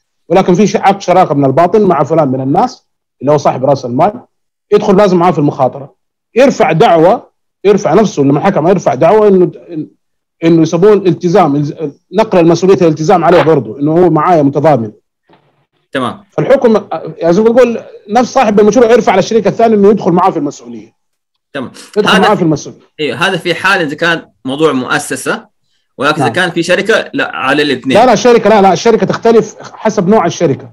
الشركات في الق... الشركات في القانون آه يبغى لها مو مو ساعة ولا ساعتين الشركات في. القانون يبغى لها أقل شيء عشان بس نعرف الفروق ما بينها عندنا شركة تضامن شركة توسعة بسيطة يسموها شركات الأشخاص شر... إيه شركات الأشخاص عندنا شركات أموال آه اللي هي شركات ال- الأسهم وشركات المسؤولية المحدودة في شركه شركات الشركة اللي هي المضاربة اللي بنسميها المضاربة الشرعية لها تسمية في النظام يسموه شركة المحاصة. لكن شركة المحاصة لا تختلف أحكامها كثير عن أحكام شركة التضامن بشكل عام. تمام. وغير اضافه كمان في شركة الفرد الواحد وفي شركة مع شركه شركة المسؤوليه المحدوده الآن استحدثوا لها شركة مسؤولية محدودة ذات الشخص الواحد. تمام. ففي أشياء كثيرة ولكن آه أرجع أقول في حال أنا لقيت مستثمر أو بدخل معايا كشريك أجلس مع محامي أفهم إيش الصورة النظامية القانونية اللي المفروض تصير. إذا كانت مؤسسة فردية كيف راح يكون؟ إذا كان شركة إيش نوع الشركة اللي راح تسجل في وزارة التجارة؟ مظبوط كده أستاذ أحمد؟ نعم معلش قاطع عذرا. السلام. عليكم ورحمة الله. السلام. عليكم السلام ورحمة الله وبركاته. آه أنا سميرة سندي. حياك أستاذ أعطيني بس الله الله يبقيك. أستاذ عاطف معلش بس لو سمحت كنت بستفسر منك هل اللقاء حيكون مسجل على اليوتيوب إن شاء الله مع ال- إيه راح يكون؟ موجود راح يكون موجود على اليوتيوب إن شاء الله. طيب بس تمام. اتمنى العافية. من اللي اللي, آه اللي حضروا معنا بس يسجلوا في في ال form حق التسجيل. على أساس. إنه أول ما نرفعه على اليوتيوب إن شاء الله راح نرسل لكم هو على الإيميلات. إن شاء الله. طيب أنا كنت أبغى الأستاذ اللي هو المحامي كيف طر- آه، طريقة التواصل معاه إن شاء الله في المستقبل واسمه. طيب. راح نرسل كل البيانات هذه موجودة على ال- راح نرسل لكم هو مع رابط التسجيل اللي هو مع رابط معلش مع رابط ال- ال- البث اللي هو التسجيل هذا حق اليوتيوب. تمام؟ إن راح شاء الله. كل البيانات هذه. ربي يعطيكم العافية. إن شاء الله. شكرا لكم. يعطيكم العافية. ما قصرتوا مع السلامة. آه أنا عارف إنه في أسئلة كثيرة من الأشخاص بس دقيقة خلينا آخذ بس الأسئلة اللي انكتبت هنا وراح أرجع للأشخاص اللي راح يرفعوا معانا أياديهم. كرما وليس امرا معلش بس عشان أنا عارف ال- الأسئلة كثيرة وهذا دائما يسووها مشاكل معانا حقين المحاماة والقانونيين. إيه كده يخلوا الناس آه، طيب. آه، المستتر في شركة المحاصة والش- والشكل الشرعي المضاربة هذا اللي هو آه، تكلمنا عنه اللي هو الشريك المضارب. مضبوط هي شركة المحاصة هي شركة أصلا. آه، هي زي ما تقول شركة مضاربة تعتبر. شركة المضاربه من أشكال شركة المحاصة. طيب في حال كتب في العقد الطرف الأول ملزم برد رأس المال. يعتبر هل يعتبر إقراض؟ هذا يعتبر وهل قرض. تمام. هذا يعتبر قرض. هل وهل لابد تحديد طريقة السداد في العقد؟ هل- الآن لو كان مجرد ما يكتب البند هذا ما عاد في ما يحتاج أصلا اني أسوي ما عاد يعني هذه يبغى لها سند لأمره بس. ما عاد ما عاد عندي عقد شراكة أصلا. حلو. لكن فمعناته لكن لو سوى م- إنه ملزم برد المبلغ معناته ما هو عقد شراكة. ما هو عقد شراكة. لو جاي طالب بأرباح ما له أرباح. مالك ولكن- شيء غير مالك شيء غير الم- المال اللي, اللي دفعته هو اللي نعم. دفعته لك هو. نعم طالما إنه حط الشرط. حط الشرط. عدم الدخول المخاطرة لا يستحق شيء من الأرباح. تمام. ويستحق إنه الفلوس ترجع له. تمام. لو فرضنا لو فرضنا إنه صار نزاع بين الأطراف وجاء مثلا آه، لو فرضنا إنه المشروع كسب واشتغل وشاف صاحب رأس المال شاف الفلوس داخلة إيه. وراح المحكمة بده قال له ما أعطاني الأرباح. ممكن صاحب راس يقول والله أنا هذا في قاعدة فقهية تقول العبرة في العقود للمقاصد والمعاني وليس للألفاظ والمباني. يعني لو كتبنا فوق عقد شراكة في صدر ال- في صدر الورقة كتبنا عقد شراكة مضاربة. وجينا في التفاصيل وإذا هي تفاصيل عقد قرض وليس عقد شركه ترى القرض يعتبر من العقود الشرعية اسمه عقد القرض. وجدنا إنه هذا عقد قرض. وجاء هذا الآن الشريك الم... اللي يعتقد نفسه إنه هو شريك مضارب وحط الشرط عليه إنه يضمن انه رأس ماله مضمون. بكل هدوء أنا أقول للقاضي أنا كم... لو كنت أنا محامي مثلا الشريك المضارب اللي هو اللي شغال بيده. أقول يا شيخ ما يستحق شيء من الارباح هو أصلا حط شرط إنه إنه هو يسترد رأس ماله يسترد ما... لا مو في في- فرق بين. في مرحلة استرداد رأس المال. كوضع اقتصادي كوضع محاسبي تمام. وفي فرق بين ضمان استرداد رأس المال من ناحية إني ما أدخل في مخاطرة أنا وقتها أنا ممكن بكل سهولة أدفع بوجود الشرط هذا إنه هذا الشخص ما يستحق أي جزء من الأرباح بحكم إنه ما دخل في المخاطرة وإن كان مكتوب فوق عقد مكتوب في عقد في العقد إنه عقد شراكة لكن مضمون وعقد عقد قرض وليس عقد شركة مضاربه لأنه المقصد من العقد آه، قرض وليس قرض. استثمار. وليس وليس وليس لا وليس شراكة. ليس تمام. طيب آه، نرجع في أسئلة. كيف نعرف المحامي المناسب؟ آه لما أنت سألت قلت لهم نروح نسأل عن كيف محامي اثنين المحامي؟ أربعة عشرة. طيب. أول شيء إذا عندك محامي تعرف محامي من أصدقائك من أقاربك من معارفك أو احد من معارفك يعرف محامي وشيء زي كذا بس يعرفوا إنه الصراحه صرنا في وضع طالما إلى الآن ما في ما في تخصيص لابد الإنسان كأنه بيزوج بنته أعطيكم هي كذا بالعربي. أو ب... كان علاقة زواج كذا عقد المحامي. عقد المحامي أبحث عنه. كيف الرجل؟ تعرفون دينه وأمانته كذا بصراحة أقول لك إياها هي كذا طيب المحامي يلا أنت والله عندنا مشكلة كذا كذا كذا. لك فيها ولا ما لك فيها؟ إذا كان له فيها حيقول لك يو تعالوا المكتب والله كذا ونجلس مع بعض واستشارة بكذا وخلصنا والله إذا كان أمين يقول لك آه لا والله بس أنا ممكن آه أحيلك. على توصية يعني على سبيل المثال أنا مثلا أتكلم عن نفسي أنا في من ناحية من ناحية قضايا الأوقاف مثلا ما عندي إلمام بها لكن في عندي زملاء أعرفهم إنه شغلوا ما شاء الله تبارك الله يمكن من 10 من 20 30 سنة شغالين في قضايا الأوقاف فعندهم خبرة في هذا المجال زي كذا فالإنسان. يبحث واحد اثنين ثلاثة طبعا وسائل التواصل الاجتماعي اسال كله نفس المحامي يقول أعرف المحامي في الدول الأخرى يسموه أستاذ ليش يسموه أستاذ؟ لأنه يشرح للعميل مثل ما يشرح للطا... الطا... الأستاذ لطلابه ولذلك. حتى إذا رحت لمحامي وقالوا لك والله يعرف كذا وكذا وكذا وكذا خليه يدرسك أو أنت خليك مثل الطالب أسأله في كل صغيرة وكبيرة لا تترك جزئيه الا تساله عنها. وخليه يعلمك من الألف للياء كأنك طالب ثانوي ما يفهم شيء في القانون خليه يعطيك إياها من أولها لآخرها. طيب. كانه بيدرسك القانون. في في نقطة أنا بس حابة آه، آه، أركز عليها. لقيت محامي قابلته يا سيدي في السوبر ماركت. حلو؟ آه، أستاذ أحمد أنت محامي؟ أيوه. والله عندي استفسار في القضايا الوقفية. قلت لي لي فيها. حدد معك موعد تعال المكتب زورني. طيب. المحامي زي الطبيب. الطبيب أنا ما أروح له كده العيادة وأقول له يلا أسمع عندي واحد اثنين ثلاثة أعطيني دواء وأمشي. لازم أدفع حق الكشفية. تمام؟ صحيح. نفس الموضوع المحامي. عشان يعطيني حقي من الوقت والمعرفة عشان يعلمني يفهمني كل نقطة أنا أستفسر عنها إيش الإجراء القانوني المترتب عليه؟ لازم أدفع حق الوقت اللي أنا باخده من آه، يومه.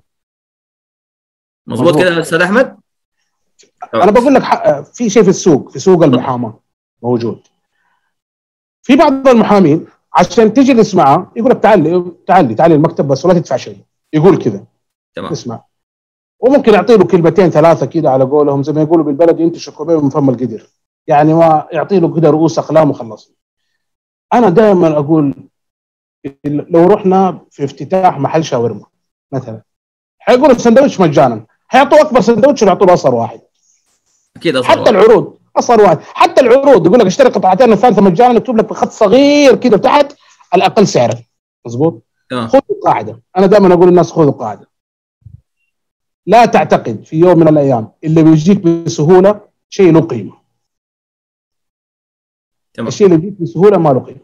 دائما الشيء اللي له قيمة الشيء الشيء الثمين له ثمنه. فكثير من العملاء كثير من أصحاب الأعمال كثير من الناس المجتمع للأسف الشديد عندنا مجرد ما المحامي يقول له مثلا والله سعر الاستشارة بكذا الساعة بكذا. يقول لك لا والله في محامي. هل تعتقد المحامي اللي بيستقبلك مجانا حيكون معاك مثل الشخص اللي استلم منك فلوس وبيبري ذمته عشان يحل الريال اللي أخذه؟ هذا لابد نفرق فيها. تمام. ممكن بعض المحامين يعطيك معلومة معلومتين لكن ما بيعطيك الكل. مستحيل يعطيك الكل إلا هو ماخذ حقه. خذ قاعدة تمام. طيب. آه. طيب هنا. آه. إذا كان شركة أو أسر منتجة. طبعا آه، الأسر المنتجة حاليا آه أعتقد آه إنهم بس يسجلوا في منصة معروف هم بس ما ي- ما ي- ما ي- ما يسمى ما يعني ما يسجلوا ككيان تجاري إذا كانوا أسر منتجة. مظبوط إلا إذا فتحوا مؤسسة تجارية أو شركة. بس آه، إذا سووا هم عقد بينهم كده ما أعرف والله إيش الآلية أستاذ أحمد.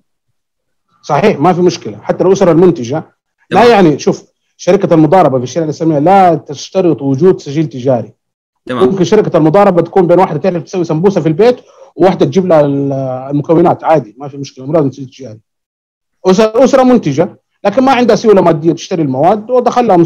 دخل لها مساهم واحد عنده فلوس يعطيهم ال... يشتري لهم المواد ودخل معهم في النسبة في الأرباح ما في مشكلة الشركة الشرعية نحن لما كنا نتكلم عن سجل تجاري وصفه تجاريه أنا نتكلم السجل التجاري المؤسسة الفردية فقط يميزها مسألة إنه أنا بستخدم عمال بسوي لكن عقد شركه المضاربة عقد واسع يشمل حتى الأعمال الغير تجارية ترى. حتى. الأعمال الحرفية حتى الأعمال المهنية هذه كلها ممكن المضاربة تدخل فيها عادي. تمام. طيب. آه هنا طيب التحويل الشركة ذات الشخص الواحد. أتوقع هذا في حال إنه تحويل من مؤسسة فردية إلى ش... إلى الشركة ذات ذات الشخص الواحد. شركة مسؤوليه محدودة شخص واحد. أيوه هذا ممكن. آه هذه الله يبارك فيك. هذه لها إجراءات مثل أي شركة أخرى. شركة الشخص الواحد مثلها مثل أي شركة مسؤولية محدودة أخرى. حتى لو كانوا سواء كان واحد أو كانوا 50 طبعا أكثر عدد من المسؤوليه المحدوده 50 شركه إذا كان واحد أو كانوا 50 نفس الإجراءات تتحول الشركة المؤسسة لشركة بنفس التكلفة بنفس كل شيء لأنه نفس الميزات اللي بيتمتعوا بها الشركاء في شركة المسؤولية المحدودة بيتمتع بها اللي هو الشريك الوحيد في شركة المسؤولية المحدوده الشخص الواحد. تمام. طيب هنا مكتب مراجع هل هم المعقبين؟ آه أنا أقصد مكتب لا، لا. ال- أيوه هذا حاجة ثانية. مراجع الحسابات يسموه اللي هو المحاسب القانوني. تمام. آه قانون هذا آه يسموه مراجع آه أو ممكن يسموه آه مدقق آه آه، مالي. يا مدقق مالي. آه هذا يكون تخصص مرة مختلف. المعقبين هم عادة لهم علاقة بالخدمات الحكومية. آه أو خلينا نقول يسموه هم خدم آه، مكات... آه، مك... مكتب خدمات عامة عادة المعقبين الان الآن. صدر نظام ج... آه، تم إلغاء العمل بنظام التعقيب تم الغائه ما عاد صار في مكاتب التعقيب أصلا. بس اللي هو مك... مكاتب خدمات عامة اللي مكاتب- تساعدك الخدمات العامة نعم خدمات خدمات اللي هو مكاتب كيف تقدم مثلا على الإجراء... المنصات الحكومية؟ لأنه كثرة ممكن، المنصات نعم. الحكومية ومو كل نعم. الناس عندهم الاستيعاب ل... لكل المنصات. للاليه المصحح لا يتعامل معها طيب آه كمان إذا أنا أسر منتجة مشروع صغير ما هو المسمى الشرعي من نوع الشركات لحماية المشروع إن شاء الله شركة مضاربة شرعية. آه بس إنه أيوه تسوي. تسوي عقد آه عقد شركة مضاربة مضبوط؟ لا عقد شركة مضاربة نعم لا يشترط وجود وجود السجل التجاري مسألة تنظيمية في الدولة تمام مضبوط إذا إذا قلنا الأسرة المنتجة ما ينطبق على إنه ما يكون لها سجل تجاري لا يعني حرمانها من الحقوق الشرعية لا حقها شرعيا انها تسوي شركة مضاربة بنفس العقد اللي يكون مع المؤسسه الفردية ترى نفسه لكن هناك يشار فيه إنه والله الطرف الأول اللي هو صاحب المؤسسة سجل تجاري رقم كذا هنا. ما في سجل تجاري لكنها والله بحكم إن الطرف الأول أسرة منتجة تعمل مثلا في أعداد أطباق من كذا الحلا ال- ال- الوجبات الساخنة وجبات باردة شيء زي كذا على حسب ال... والطرف الثاني مساهم وفي طريقة صياغه لكن من حقهم يتمتعوا بنفس الحماية القانونية اللي يتمتع بها أي شخص يدخل شركة مضاربة حتى لو صار حتى لو ما عنده سجل تجاري تمام. ولكن ما يسووه هم بنفسهم ولا يروحوا مكتبة يطبعوا نموذج عقد شراكة. والله شوف ال- اللي اللي بياخذ الطريقة ذي حي... حيشوف نفسه على قولهم بيغرز هنا وبيغرز هنا وطلعوني من هنا وحين ما يطلع من التغريزة ونسوها. أيوه فأدي الخبز لخبازه حتى لو أكل نصه. هذا يعني دائما حطوها في عين الاعتبار. هو بس أستاذ عاطف مع- معليش مداخلة. تفضل تفضل. هذا المثال بيقول اعطي الخبز للخباز وحتى لو أكل نصه ممكن الخباز يأكل نص ال- الخبز لكن المحامي ثق تماما يا حبيبي ما حيأخذ نص الفلوس يعني. إيه مو مو لهذه الدرجة لا الدرجات. نعم انه أهم شيء إنه أدوا لأهل الاختصاص. طيب نعم إذا كان أهل الذكر. طيب إذا كان مسمى العقد استثمار ومضاربة لازم يسجل في وزارة التجارة؟ لا. مو شرط. إذا كان مؤسسة فردية صاحب مؤسسة فردية بتشارك مع صاحب رأس مال ما يشترط. التسجيل في وزارة التجارة للشركات ال- النظامية القانونية ال- يحكمها نظام الشركات السعودي. وهذه الشركات لها آلية معينة ولها تكاليف عالية ولها إجراءات لكن لها ميزات أيضا كثيرة جدا. مزبوط ال- كثير من أصحاب من أصحاب الأفكار من أصحاب المشاريع آه، أنا قبل فترة كان في تخيلوا تخيلوا مشروع محل ايس كريم يعني هذا مثال وقع معي آه، جوني كان يبغوا مع- واحد مؤسسة فردية ويدخلوا معاه اثنين مساهمين وكذا. لما وجدت ما شاء الله حجم رأس المال وطبيعة المشروع وإنه المشروع ما شاء الله ماشي وشغال وكل شيء اقترحت عليهم إنه تكون الشركة شركة رسمية شركة نظامية شركة شركة يسموها شركة توسعه بسيطة في التسميه ده. فسبحان الله ما شافوا شافوا شوي إنه فيها دفع فلوس وهذا. بعد سنة ونص من المشروع جوني يقول يا ريتنا سمعنا كلامك في مسألة إنه نخليها شركة نظامية. بالفعل هذا هذا حتى تحديد لأنه حجم رأس المال وطبيعة المشروع برضه المحامي يقدر يرشد صاحب المشروع إيش المناسب له. هل نبقى مؤسسة فردية وشريك من الباطن أو نخليها شركة رسمية؟ وإن كانت تكاليفها أعلى لكن المشروع بيغطيها إن شاء الله ويكون إيش؟ وحتى أضمن لجميع الأطراف وحتى من ناحيه الأمان من ناحية مديونية الشركة لها ذمة مالية مستقلة. في أمور كثيرة تتميز بها الشركات القانونية والشركات آه، الرسمية. في- في معلومة بس يمكن آه ناس آه أنا عرفت هذه المعلومة لما دخلت في السوق. آه في بعض الموردين أنا كنت كان عندي المقهى آه يثقوا إذا كنت أنا ككيان شركة تجارية وليس مؤسسة فردية. يقول لك لا هذا ما دام إنه شركة نحن ما عندنا مشكلة في التعامل معه لأنه حيكون في ذمته الماليه مفصولة عن ال- الذمة الفردية أو الذمه الشخصية إضافة إلى ذلك إنه ما دام دخل كشركة معناته عنده القدرة المالية وواثق من الشغل حقه وأموره مرتبة لأنه فيها تكاليف عالية. فلما إذا الشخص صاحب الشركة صاحب اللي هو رائد الأعمال أتحمل تكاليف الشركة معناته هذا إنسان على قولهم آه ما أقول جيبه مليان قد ما إنه هو متأكد كيف ماشي. حلو؟ فعشان كده في كثير من الموردين آه يتحفظوا إنه يتعاملوا مع مؤسسات فردية خاصة اللي دوبهم بادئين. آه أنا أديكم هي كده بكل بساطة. ترى الناس بعض الأحيان يقول لك ليش ما تعامل معايا؟ ترى لما تقول له مثلا أسرة منتجة ممكن ما هو تقليل من الاسره المنتجه ولكن آه التحديات اللي صارت بعد كورونا الكل يبغى يحفظ فلوسه. كل واحد يقول لك أنا ما أديك بضاعة لما تديني فلوسي قبل قبل ما أسلمك البضاعه أديني فلوس. حلو؟ لأنه صارت في تحديات كثيرة. فكورونا علمت الكل الأدب. فهذه بس عشان من باب العلم. طيب. الهيئه السعودية للملكيه الفكرية؟ أرجو التحضير المسبق للموضوع. آه الله يعطيك العافية. شكرا لك أخوي فواز آه على عيني وراسي. آه هذا أول لقاء لنا. وبنحاول قدر المستطاع لأنه المواضيع صراحة جدا كبيرة. فبنحاول قدر المستطاع إنه آه بناء على الاستفسارات اللي مرينا بها قبل كده في لقاءات رواد الأعمال حطينا هذا خلينا نقول السيناريو في ال في ال في اللقاء هذا. طيب إذا كان بنك التنمية هو الممول آه بنك التنمية الاجتماعي له آلية في السداد وعادة هم إذا كان بنك التنمية طبعا في برضه على حسب نوع اللي هو المسار في مسارات مرة كثيرة آه هنا البنك التنمية الاجتماعي يخش معاك كمقرض وليس مستثمر تمام؟ المتعارف عليه. ممكن يكون مستثمر في حالات أتوقع جدا نادرة ولكن عادة يصير هذا في المشاريع الكبيرة. هذا اللي أنا أعرفه؟ قد أكون خاطئ في الموضوع هذا أو يكون كلامي صح. أرجع لبنك التنمية الاجتماعي. آه طيب. أستاذ عاطف فضلا لو عقد ما فيه أي شروط جزائية عند التقصير من أي طرف في العقد هل يتطلب العقد مراجعة وعمل عقد إلحاقي لضبط التعاقد؟ هذه المستشارة آه واضح كده. أستاذ أحمد السؤال؟ اي واضح السؤال. ما في إشكال. في شيء اسمه العقود الالحاقيه العقد الأساسي.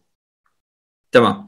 ف... ممكن ممكن حتى تعدل العقود الأساسية. هو دائما عقد الشراكة هو عقد رضائي بين الأطراف. متى تراضى الأطراف؟ على تعديل بند من البنود أو إضافة بنود جديدة. فهنا الباب مفتوح. ما في شيء يعني ممكن يسوي عقد إلحاقي. تمام. نعم نعم. طيب إذا بسوي بسطه في رمضان قدام مسجد هل يلزم التصريح؟ آه إيوه عادة في رمضان البلديات المسؤول المناطق هي اللي بتعطي التصاريح أعتقد في رمضان إذا أنا ماني غلطان التصريح في رمضان 500 أو 1000 ريال بس فترة رمضان. رمضان ترى له تصاريح منفصلة عن أي تصريح ثاني طوال السنة. طيب هل الفترك يحتاج سجل تجاري؟ آه لا ما يحتاج سجل تجاري ولكن يحتاج آه آه رخصة وكرت صحي وفي إجراءات آه تابع معاهم في البلدية وفي لها مسارات محددة ولكن ما يلزم للفترك إنك تفتح سجل تجاري. أستاذ عاطف الله يعطيك العافية. تفضل. آه ما أدري تقريبا يعني بس لا مؤاخذه. تفضل. في أسئلة بشوف أنا إنها أنا ما أنا الناس اسئله يعني أسئلة المفروض ما تطرح في لما نقول هو ليس تقليلا من السائلين لكن الاسئله القانونيه أعتقد هم الناس الحاضرين بي بي في أشياء ممكن أنا أسأل. ما أبى تصريح ولا تصريح ممكن يرجع للبلدية فيها يعني. تمام. طيب إذا كرمت بدي اعرف إجراءات التصدير إيش الشروط والإجراءات التي يقام بها في الرغبه بالاستيراد بضاعة؟ آه هذه طبعا ترجعوا فيها. وزاره التجارة. وزارة التجارة صراحة آه في إجراءات كثيرة. آه يعتمد كمان أعتقد على إيش اللي راح تصدره من برا. في في اعتبارات مرة كثيرة. آه طيب هذا عقد الحاقي. طيب أرقام التواصل آه راح نرسلها لكم بس أتمنى إنكم تسجلوا في الاستمارة التسجيل. الله يسعدكم. آه راح نرسل لكم كل أرقام التواصل للأستاذ أحمد. آه إجراءات التصدير. طيب إذا كان العقد لاستغلال براءة اختراع تصنيع منتج بين قوسين ما هي الجهات التي يتم تسجيل العقد فيها؟ آه هذا إحنا تكلمنا فيه اللي هو الهيئه السعودية للحماية الفكرية مظبوط كده أستاذ أحمد؟ مظبوط مظبوط طيب آه دحين ارجع أنا للناس اللي رفعوا يدهم هل ممكن هل ممكن أشتري ملكية جمعية خيرية لأنها أفلست؟ الأستاذ عبد الله الفقيه ما أدري عندك جواب أستاذ أحمد؟ إذا كان إذا كان أفلست هل صدر قرار بالافلاس إيش وضعها المالي الآن؟ لأنه الإفلاس يختلف. في تس... إذا كانت في طور التسويه الواقعه من الإفلاس أو في إعادة التنظيم المالي ممكن يشتريها لكن لو كانت في طور التصفيه ما حيقدر يشتري شيء بوضعه في تصفيته. لازم وضع يختلف على حسب وضع ال ال ال ال لو إذا وصل أي أي أي كيان وصل مثلا مرحلة إفلاس في عدة إجراءات. ممكن يسووا له شيء اسمه التسوية الواقية من الإفلاس. وممكن يسووا له إعادة تنظيم مالي وممكن يسووا له تصفية. فلا بد يتأكد من هذه اتاكد من معناته لازم يعرف وضعه. يبحث نعم. يبحث أكثر مع ال- إيش اللي صار معهم. نعم. طيب الأستاذ حسين آه تفضل. ممكن تفتح المايك الله يسعدك اذا حاب تسال السلام عليكم ورحمة الله وبركاته. السلام عليكم السلام ورحمة الله الله. يعطيكم العافية ويجزاكم خير الجزاء على اللي تقدموه. بأمانة محتاجين مثل هذه اللقاءات وهذه البرامج آه، التوعوية أنا عندي. سؤالين إن شاء الله أنا ما أطول. أنا عندي مؤسسة شك... آه، كشريك في مؤسسة سابقة وكتبنا عقد بالباطن آه، هل هذا العقد ساري؟ يعني إنه الشراكة بالنصف في حالة الربح والخسارة وما إلى ذلك. هل العقد ساري ولا لابد إني أرجع أوثق عقد جديد؟ العقد ساري. في لابد نفرق يا الإخوة الكرام. العقد العقد في شيء اسمه عقد وفي شيء اسمه توثيق أو كتابة العقد. العقد ممكن يكون شفوي. يعني لا ال- الكتابة من أجل الإثبات لكن لو التقى اثنين في الشارع وقال له كذا كذا كذا اتفقنا مثل بعت اشتريت هي وخلصنا. وفي شيء اسمه الكتابة. الكتابة وسيلة من وسائل إثبات العقود. ولكن العقد مثل عقد النكاح. زوجتك أو قبلت والشهود المأذون يأتي ليوثق هذا العقد ليثبته، الكتابة بحد ذاتها ليست ليست شرطا للعقد وإنما هي لإثبات العقد، لكن في الشركات النظامية يشترط انه يكون العقد مكتوب، الشركات القانون الشركات اللي هي الرسمية اللي تسجل في وزارة التجارة لابد يكون العقد تمام. مكتوب. بشركات يعني عقدي لا يكون مكتوب. عقدي الآن يعني العقد حتى لو كان شفوي فهو منعقد وملزم للأطراف ديانة. ولكن لو جيت أمام القضاء وأنكر الطرف الثاني هنا في شيء اسمه الإثبات إثبات عقد الشراكة. من وسائل الإثبات التعاملات الرسائل المتبادلة مثلا ال ال ال الكتابة عقد العقد نفسه كان مكتوب. تمام. هذه ال- الكتابة هي لإثبات العقد وليس لإبرام العقد. الابرام ممكن يبرم شفويا نعم الله يعطيك العافية. السؤال الثاني عشان أختصر الوقت أنا في طور تأسيس شركة ذات مسؤولية محدودة. نعم. آه هذه الشركة عندي شركاء الآن ففي عقد تأسيس آه، شركات من وزارة التجارة وفي بنود نعم. إضافية أنا هنا زي ما قلت إنه نبدأ بالسواد الورقة حتى إن شاء الله في النهاية تكون بياض لكن آم، آه في حالة إنه كتابة ال- العقد هل انه اكتفي بوزاره التجارة باللي موجود في وزارة التجارة وهم يساعدوني في هذا في كتابة العقد ولا لابد اني أتجه لمتخصصين؟ لا لابد تتجه المخصصين لأنه لأنه الاكليش اللي في وزارة التجارة يسموه نحن حتى إحنا لما نشوفه ندخل عليه ونقرأه آه نجد إنه في كثير من البنود بدي أحط بنود إضافية تجد المختص في وزارة التجارة يقول لك أحذف البنود الاضافيه فطريقتهم إنه تؤسس الشركة ثم يعدل عقد التأسيس بما اتفق عليه الشركاء. يعني أول شيء تدخل على الب... ما أنت لو جيت تضيف أي بند إضافي على العقد اللي موجود آه، يرفضون الطلب. لكن هذا حتى إحنا إحنا شركة اداره المحاماه عندما أنشأنا الشركة أنشأناها على الكليشة الأساسية ثم رفعنا طلب الحاقي بتعديل عقد التأسيس بالبنود الإضافية. وعدلت البنود ال- ال- الأساسية للبنود الإضافية وتعدلت البنود كثير من البنود تعدلت لكن يعني كبدايه كبدايه لا لا يغرك إنه مسألة ال- إنه العقد هذا موجود وما قدرنا نضيف. نقدر نضيف بعد كذا ويخضع لنفس الإجراءات ولكن حيكون فيها الرسوم طبعا. طيب أنا الان حاليا ما أقدر نعم. أضيف يعني في ال- إذا في أضفت شوف أنا. أقول لك؟ لا أنت إذا أضفتها ومشوها آه إذا مشوها الموظفين في وزارة التجارة كان بها. لأنه أنا أقول لك إحنا تفاجئنا إنه إحنا قانونيا المفروض إني أقدر أضيف. ولكن اجرائيا في وزارة التجارة مع كل أسف آه يقول لك أحذف البنود الاضافيه طب أحط البند الإضافي؟ يقول لك لا. أحذف كل البنود الاضافيه ثم آه، جينا اضطرنا نطلع عقد التأسيس وبعدين دفعنا آه على قولهم بعد ما طلع عقد التأسيس سوينا عقد تعديل عقد التأسيس ودفعنا 500 تقريبا 675 ريال آه عشان تعديل عقد التأسيس. هذا اللي حصل بال بال بال بال يعني كذا بال بالتحديد. إذا كان الوضع الآن نحن شركتنا لها مقارب سنتين لكن إذا هم اختلفوا وزارة التجارة الآن وضعهم آه، تركوا الأمر انه تضيف البنود اللي تضيفها كان بي. لكن في جميع الأحوال البنود الإضافية أي بند يعدل لابد انه يكون مدقق من إنسان قانوني لأنه ممكن يوضع بند من البنود آه قد يعتقد الأطراف أنه في صالحه في طرف ثاني يعتقد آه، يعني لابد هو مثله مثل أي عقد آخر لا يعني كونه مسجل في وزارة التجارة هذا العقد اللي موجود هو العقد الأساسي البنود الأساسية تقدر تضيف أي بنود أخرى طالما انها ما خالفت النظام ما خالفت الشرع تقدر تضيفها يعني هو وسيلة بس لاستخراج السجل التجاري. لتأسيس الشركة وعقد التأسيس واعتماد لا لا ليست مثل هو عقد التأسيس هذا يحكم هذا يحكم حياة الشركة من انشائها حتى انتهائها يحكم حياة الشركة بدون بنود؟ هذا إيه، لابد بنود أو أكيد. هو البنود أنت عارف زي ما أنت عارف إن البنود هي بس مكان الاجتماع الاشت... لا لا لا. مو هنا هنا نجي الله يبارك فيك. لمسألة الجلوس مع الأطراف. يعتقد بعض الناس إنه مسألة البنود على ما هو يتصوره هو على ما يتصوره هو إنه هذه بنود إضافية آه، في بنود كثيرة في بنود كثيره أحمد. بعد ما جلسنا مع الأطراف نعم. نعم أحمد بس خليني بس آه، ألخص أنا إذا سمحتوا لي آه، الفكرة إنه آه، الأستاذ حسين بيقول إنه ما يقدر يضيف بنود على الكليشة اللي موجودة في وزارة التجارة آه، وهل لو هم سووها بالكليشة هذه معناته حيلتزموا بهذه الأمور؟ مع إنه هم عندهم إضافات.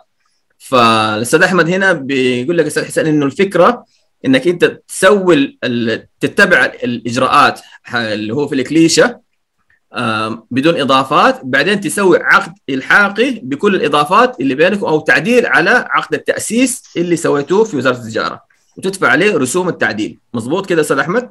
مزبوط صحيح. مزبوط تمام. آه، هذا قانونيا يعتبر. نعم. أيوه قانون. نعم. تمام. يعني ما تعب نفسي وأحط بنود وأفكر هو في الأخير لازم أضيف. أنا أقول لك البنود حتى لو تبى تضيف أي شيء أقول لك لو لو فرضنا لو فرضنا إن وزارة التجارة الآن الموظفين أصبحوا على قدر من الوعي وأصبحوا يتقبلوا البنود الإضافية، أي بند تضيفه أو تعدله أو تريد أن تجري اي بند لابد البند هذا يعرض على مختص. مختص قانوني. تمام؟ تمام كده أستاذ حسين؟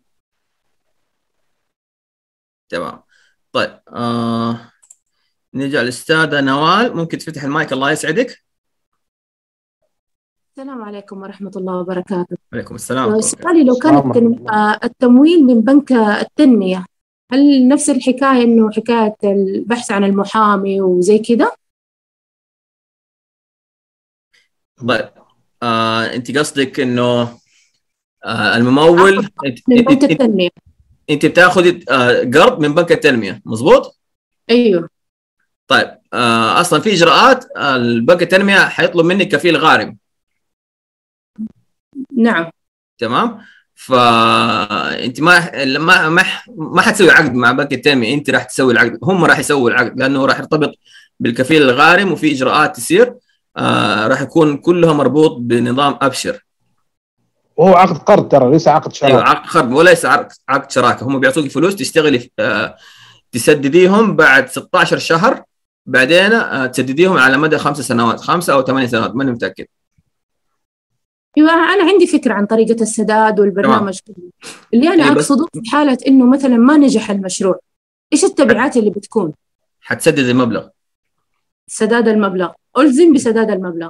إذا ما سددتي الكفيل الغارم يسدد الله يعطيكم العافية. شكرا لكم. وياك. وياك. طيب الأستاذة سارة حياكي تفضلي. السلام عليكم. أول شيء يعطيكم العافية صراحة على اللقاء. نعم. جدا استفدت. بس كان عندي استفسار. يعني الاستفسار الأول آه يعني إحنا حاليا صدد إجراء تطبيق. Okay. فكنت أبغى أسأل العقد اللي يكون بيني وبين شريكي في إننا قاعدين نشتغل على هذا التطبيق إيش حيكون اسم العقد أو نوعه أو الشراكة بالضبط؟ تمام. طيب والاستفسار واحد. الثاني تفضل. لا تفضلي سؤالك الثاني الله يسعدك طيب والاستفسار الثاني إحنا جزء من التطبيق إن إحنا لازم نروح مثلا للمحلات اللي إحنا نبغاها أساسا تكون already موجودة في التطبيق تمام. فإحنا لما حنيجي نعرض لهم كامل الفكرة عشان يكونوا جزء منها فهل هيك حيكون في اتفاقية قبل إنه مثلا ما يرجعوا يقولوا الفكرة أو يرجعوا يقولوها إلى إن إحنا نبدأ تأسيسها تمام أنت. معناته تبي حق آه، اللي هو يسموه حماية فكرية. مو فكرة حماية فكرية لأن حتى لو أحد عمل نفس الفكرة ما فيها إشكالية بس الفكرة إنه إحنا في وقت ما إحنا قاعدين نعرضها عليهم كأنهم أشخاص يكونوا ضمن هذا التطبيق إنه ما تنعمل في هذا الوقت. يعني نكون إحنا اللي بدأناها بس إحنا مضطرين مجبرين نعرضها عليهم تمام. عشان يكون يعني يتعمل التطبيق. تمام تمام. أوكي تمام. هذا في طيب. حاله في في حالة آه، وجود طيب، ناخذ- اتفاقية. هذه يسموها في القانون. ناخذ السؤال الأول بس أول شيء أستاذ أحمد. نعم. ناخذ السؤال الأول إيش نوع ال- العقد اللي يصير بينهم هم كشركاء؟ كشركاء. والله هذه يبغى يجلس مع الطرفين بصراحة. يعني ما يتسع المقال المقام. تمام. الافضل تجلسوا مع آه، محامي. على أساس إنه يف- يسمع منكم أنتم الاثنين إيش يسوي العلاقه ممتاز. بينكم. يسوي بها عقد بناء على رغبتكم المشتركة. وليس كل واحد يقول آه، وطبيعة على- التعامل. على حده أيوه عشان تكون على قولهم آه شغل على موية بيضاء آه كله واضح. حلو. كل أوراق حلو. على الطاوله بالنسبة للنقطة الثانية اللي ذكرتها هذه يسموه اشتراط عدم المنافسة. يعني ممكن لما تشت- لما تتعاملي مع مع مع مع أصحاب محلات وشيء زي كذا وتوقع معاهم عقود ممكن تشترط عليهم عدم المنافسة. وتحط لو حصل مثلا منهم اتضح إنهم هم خالفوا الشرط هذا يكون في شرط جزائي. أنا عشان عشان يكون عندهم إيش؟ يعني إنه ما إنه أنا ما انافس من ضمن بنود العقد اللي بيني وبينهم التعامل اللي بيني وبينهم من ضمن البنود يكون شرط عدم المنافسة. حلو. هذا يعني لفترة معينة. طيب. هذا من ناحية آه آه هذا من من وجهة نظرك القانونية أستاذ أحمد صح؟ نعم صحيح. آه إذا بغيتي رايي أنا كمرشد أعمال آه هذا راح يسوي معايا آه إشكالية أنا كمورد. تمام؟ آه. انت ممكن اللي هو طبعا هنا أستاذ خالد آه تفضل اللي هو الاتفاقيات اللي هو اتفاقات ع- اللي هو عدم افصاح اللي هو Non-disclosure agreement اللي هو NDA عادة يسموها. آه، عادة يسووها آه، الشركات مثلا زي حقين الدعاية والإعلان الإنتاج إلى آخره بيسووا اتفاقيات اللي هم آه، آه، اتفاقية عدم إفصاح. هذه هذه آلية. ولكن من ناحية ثانية أنا أتكلم كمرشد أعمال آه، في حال إنه أنت جيتيني كتطبيق جديد ناشئ وتبغيني أنا كمورد. عادة المشاريع آه، المشروع ما ينجح لحاله. لازم في شركاء استراتيجيين للنجاح. من ضمنهم الموردين. آه، فإذا كان ال- الم... تبغيني أنا كمورد وأنا مورد موجود في السوق من زمان وتبيني أوقع معاكي آه، عقد أو إنه سياسة عدم إفصاح طيب أنا ليش ما أفصح؟ انت مين؟ إلى آخره. يعني عارفة في حيكون في عنده سؤال علامة استفسار استفهام كبيرة من وجهة نظري أنا. تمام؟ ممكن أنا أكون غلطان ولكن أديك هي كيف الناس ممكن يفكروا في الموضوع هذه. إذا بغيت رأيي في المواضيع هذه أبدأي بالناس أو خلينا نقول آه بالموردين اللي في خلينا نقول آه في ود صفة ودية بينكم آه كمورد. أيوه أيوه. إني أعرف شخص فيه على أساس انه الموضوع يصير على الأقل في البداية أنا أحتاج أسماء كبيرة تدعمني كتطبيق. حلو. تمام؟ آه هذا والله أعلم. تمام؟ وممكن برضه. آه اللي هو العقد اللي هو ال- آه اللي هو ال NDA non-disclosure agreement اللي هو آه عقد اتفاقية عدم- الافصاح حلو. تمام؟ يعطيكم العافية. وياك طيب آه دقيقة في أسئلة جاتنا. طيب الله يعطيك العافية أستاذ خالد. شكرا لك على المداخلة. طيب في الأستاذة هويدة هل يحق لي بطلب مبلغ مالي بنسبة في حال مراجعة الدوائر الحكومية لإنهاء كافة الإجراءات؟ آه الإزالة. آه كافة الإجراءات اللازمة إذا أنا ماني غلطان. آه بموجب وكالة شرعية من الورثة. علما كان الاتفاق بيع المبنى بموجب الوكالة الشرعية الممنوحة لي بدون أي نسبة في حال تغير الموضوع إلى تعويض من قبل الدولة بعد الإزالة. هل يحق لي طلب النسبة؟ وهل تكون شرعية أو قانونية؟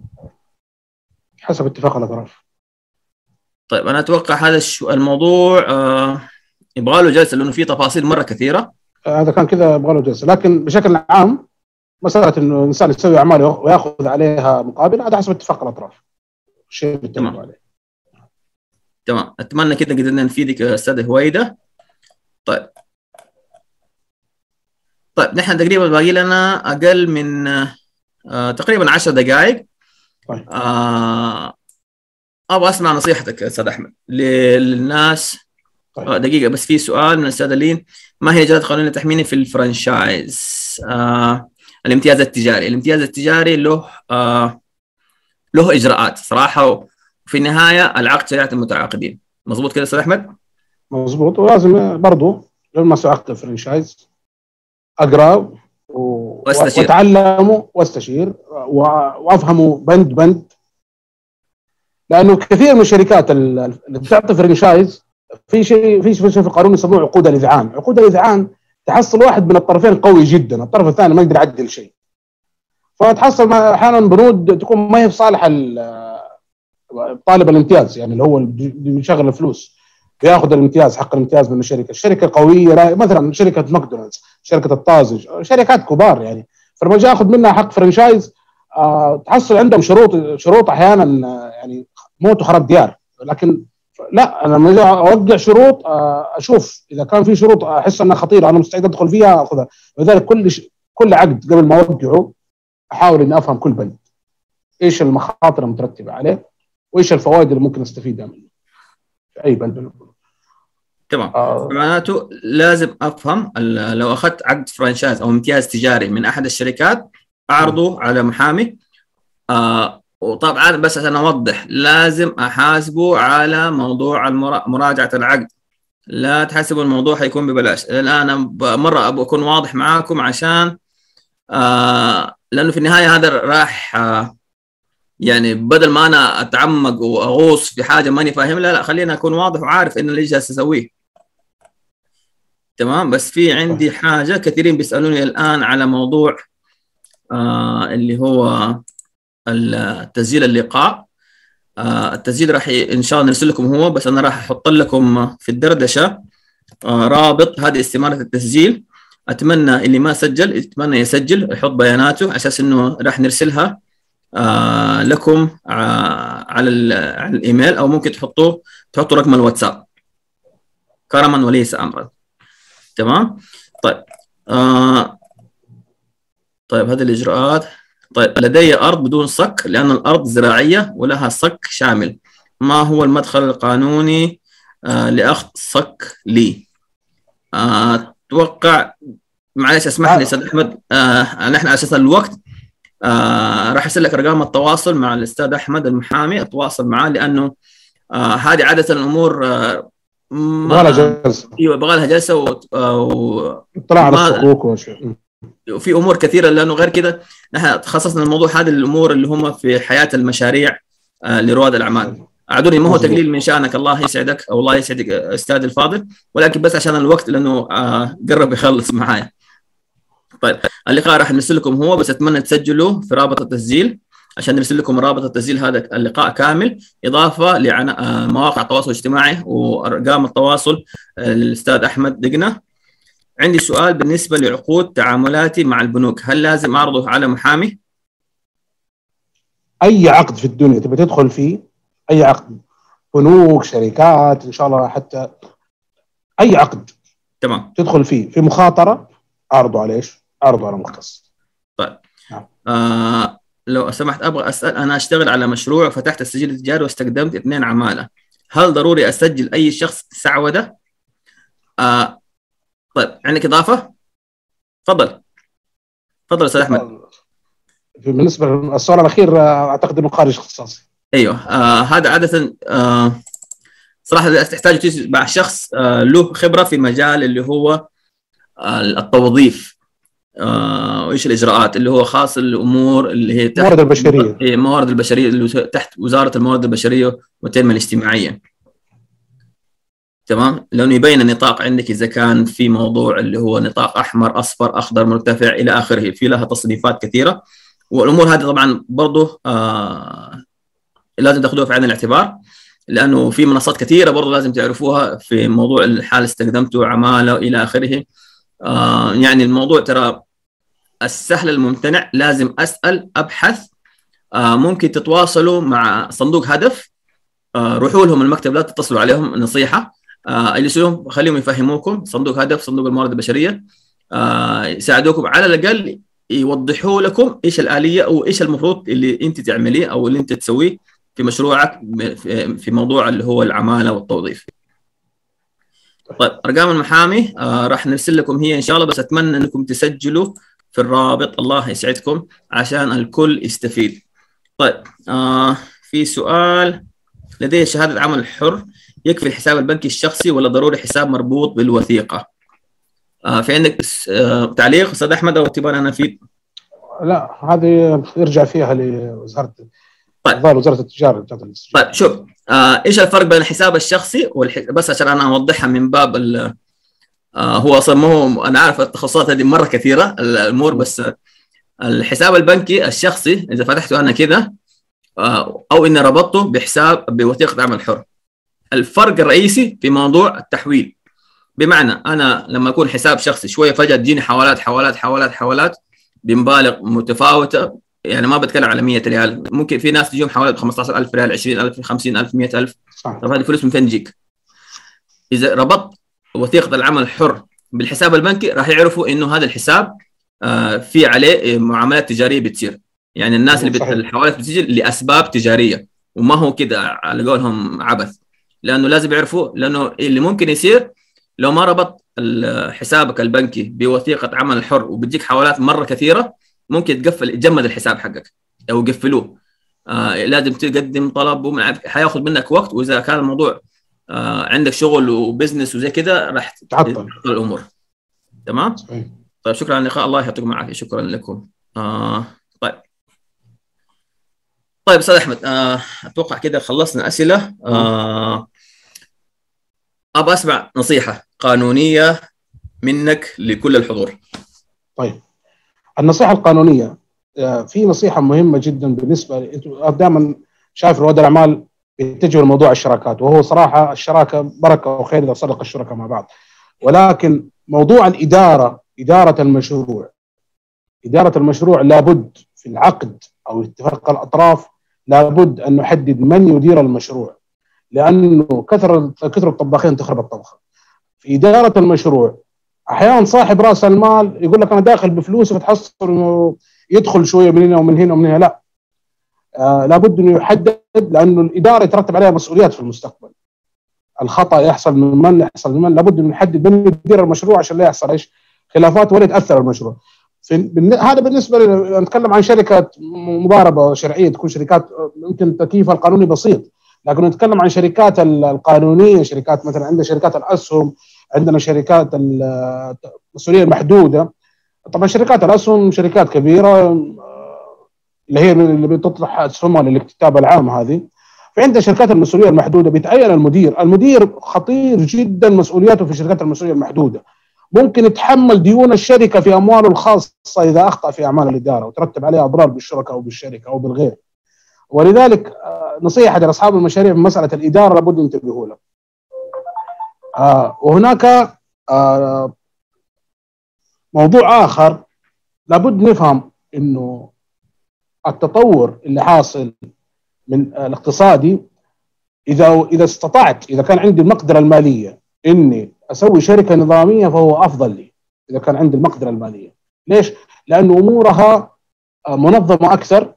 آه، أنا كشريك أنا كشريك أطالب بها لأنه كل الأمور فيها مسألة الإفصاح عن- رأس المال القوائم المالية تعطيني وضع للشركة مساءلة المدير ال- يعني في أمور كثيرة في أمور كثيرة. في الشركات النظامية تحمي المساهم فيها لا تتوفر في مسألة ال- المؤسسات الفردية والشركات اللي تكون من الباطن آه، لا سيما إنه يعني التلاعب في في الشركات النظامية صعب جدا وإن كان في تلاعب بيحصل لكنه صعب ولكن اكتشافه سهل لأنه ال- كثير كثير من عمليات الاختلاس واكتشفها المحاسب المراجع الخارج تمام.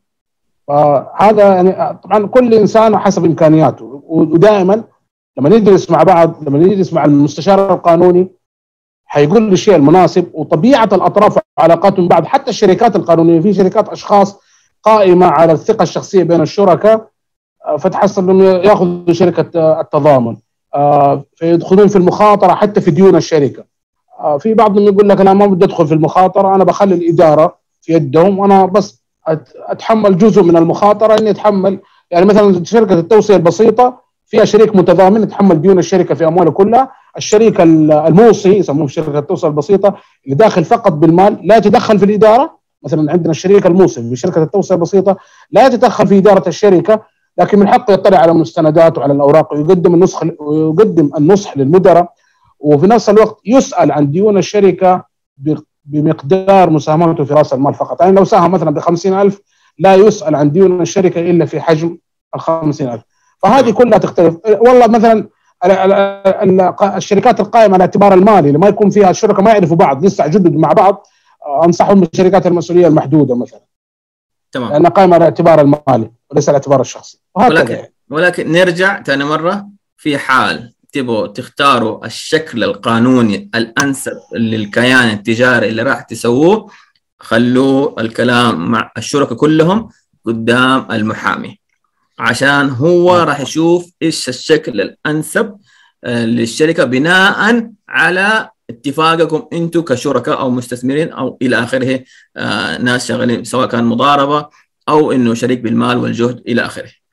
تمام؟ كثير من الناس كثير من الناس عندهم تصور معين تصور هو داخل بتصور. يعني في بعض الأصحاب في بعض أصحاب المشاريع كانوا خلاص داخلين على قولهم دا- داعسين يبغوا يصيروا شركاء بيسووا الشركة بيسووا كل شيء. لما جلسنا مع بعض خلاص كانت نتيجة المجلس انفضاض الشراكة أو عدم إبرام الشراكة. لأنه كان في بعضهم داخل بتصور خاطئ فاهم شيء خطأ. لما جلس وفهم إيش له وإيش عليه بطل. آه فضل عدم الاشتراك. تمام تمام. وخيرة خيرة من رب العالمين. وخيرا صحيح. آه صراحة في الختام أنا جدا استمتعت الساعتين زمن عدت كأنها غمضة عين. آه سيد أحمد الله يعطيك ألف عافية. ممتن جدا لتفاعلك معايا وتلبية الدعوة. يعطيكم ألف عافية. آه متابعينا ما شاء الله تبارك الله. أنا يعني آه مرة مبسوط. اليوم ما شاء الله تبارك الله وصل العدد تقريبا إلى تقريبا 69 آه آه، شخص معنا في اللقاء. آه كانوا موجودين معنا آه أسأل الله لنا ولكم التوفيق. آه وإن شاء الله راح نرسل لكم كل المعلومات التسجيل هذا إضافة لارقام التواصل للأستاذ أحمد. يعطيكم ألف عافية ونشوفكم على خير. سلام. طبعا في شغلة. شكرا لحاضرة نفيسة شمس على الاستضافة. الله يعطيكم العافية. راح يكون إن شاء الله بعون الله راح يكون في عندنا لقاءات شهرية. مع ضيوف آه فريدين من آه من آه خلينا نقول من من علمهم وكرمهم من رب العالمين إنه تفضلوا علينا بهذه المعرفة وأعطونا هي عشان نبسطها ونوصلها لكم. شكرا لكم جميعا. يسعدكم ربي. ونشوفكم على خير. أنا عندي عندي مداخلة أستاذ عاطف بسيطة تفضل. تفضل. الله يبارك فيك. أول شيء حاضر نفيسه شمس جزاهم الله خير والله إن شاء الله أقول يوسع أرزاقهم ويطرحوا لنا بركه في أجمعين. اتاحوا الفرصة هذه. وفي نفس الوقت آه، آه، بعض الأخوان مثلا آه، يقول مثلا آه، نحن نشوف في إشكالية تقابلنا إحنا دائما مقدمين المحتوى القانوني. تمام. أنا لو جيت أنا لو جيت بدي أتكلم وبدي أشرح قانون أشرح نظام شركه أشرح أشكال الشركات ح... ياخذ وقت. حياخذ وقت وما حننتهي. فدائما دائما آه آه، لازم يعني المشكلة دائما الملتقيات القانونية تجد فيها كثير من الأسئلة وتجد فيها استشارات تجاوب بعض الجواب فصعب ضبطها صراحة ليس مثل المحتويات الأخرى. تمام. بس أنا أظبطك لا لا تشيل هم. ما في إشكال. الله يسعدك حبيب قلبي أستاذ أحمد. شكرا لك. الله يسعدكم. يعطيكم ألف عافية. نشوفكم على خير. سلام.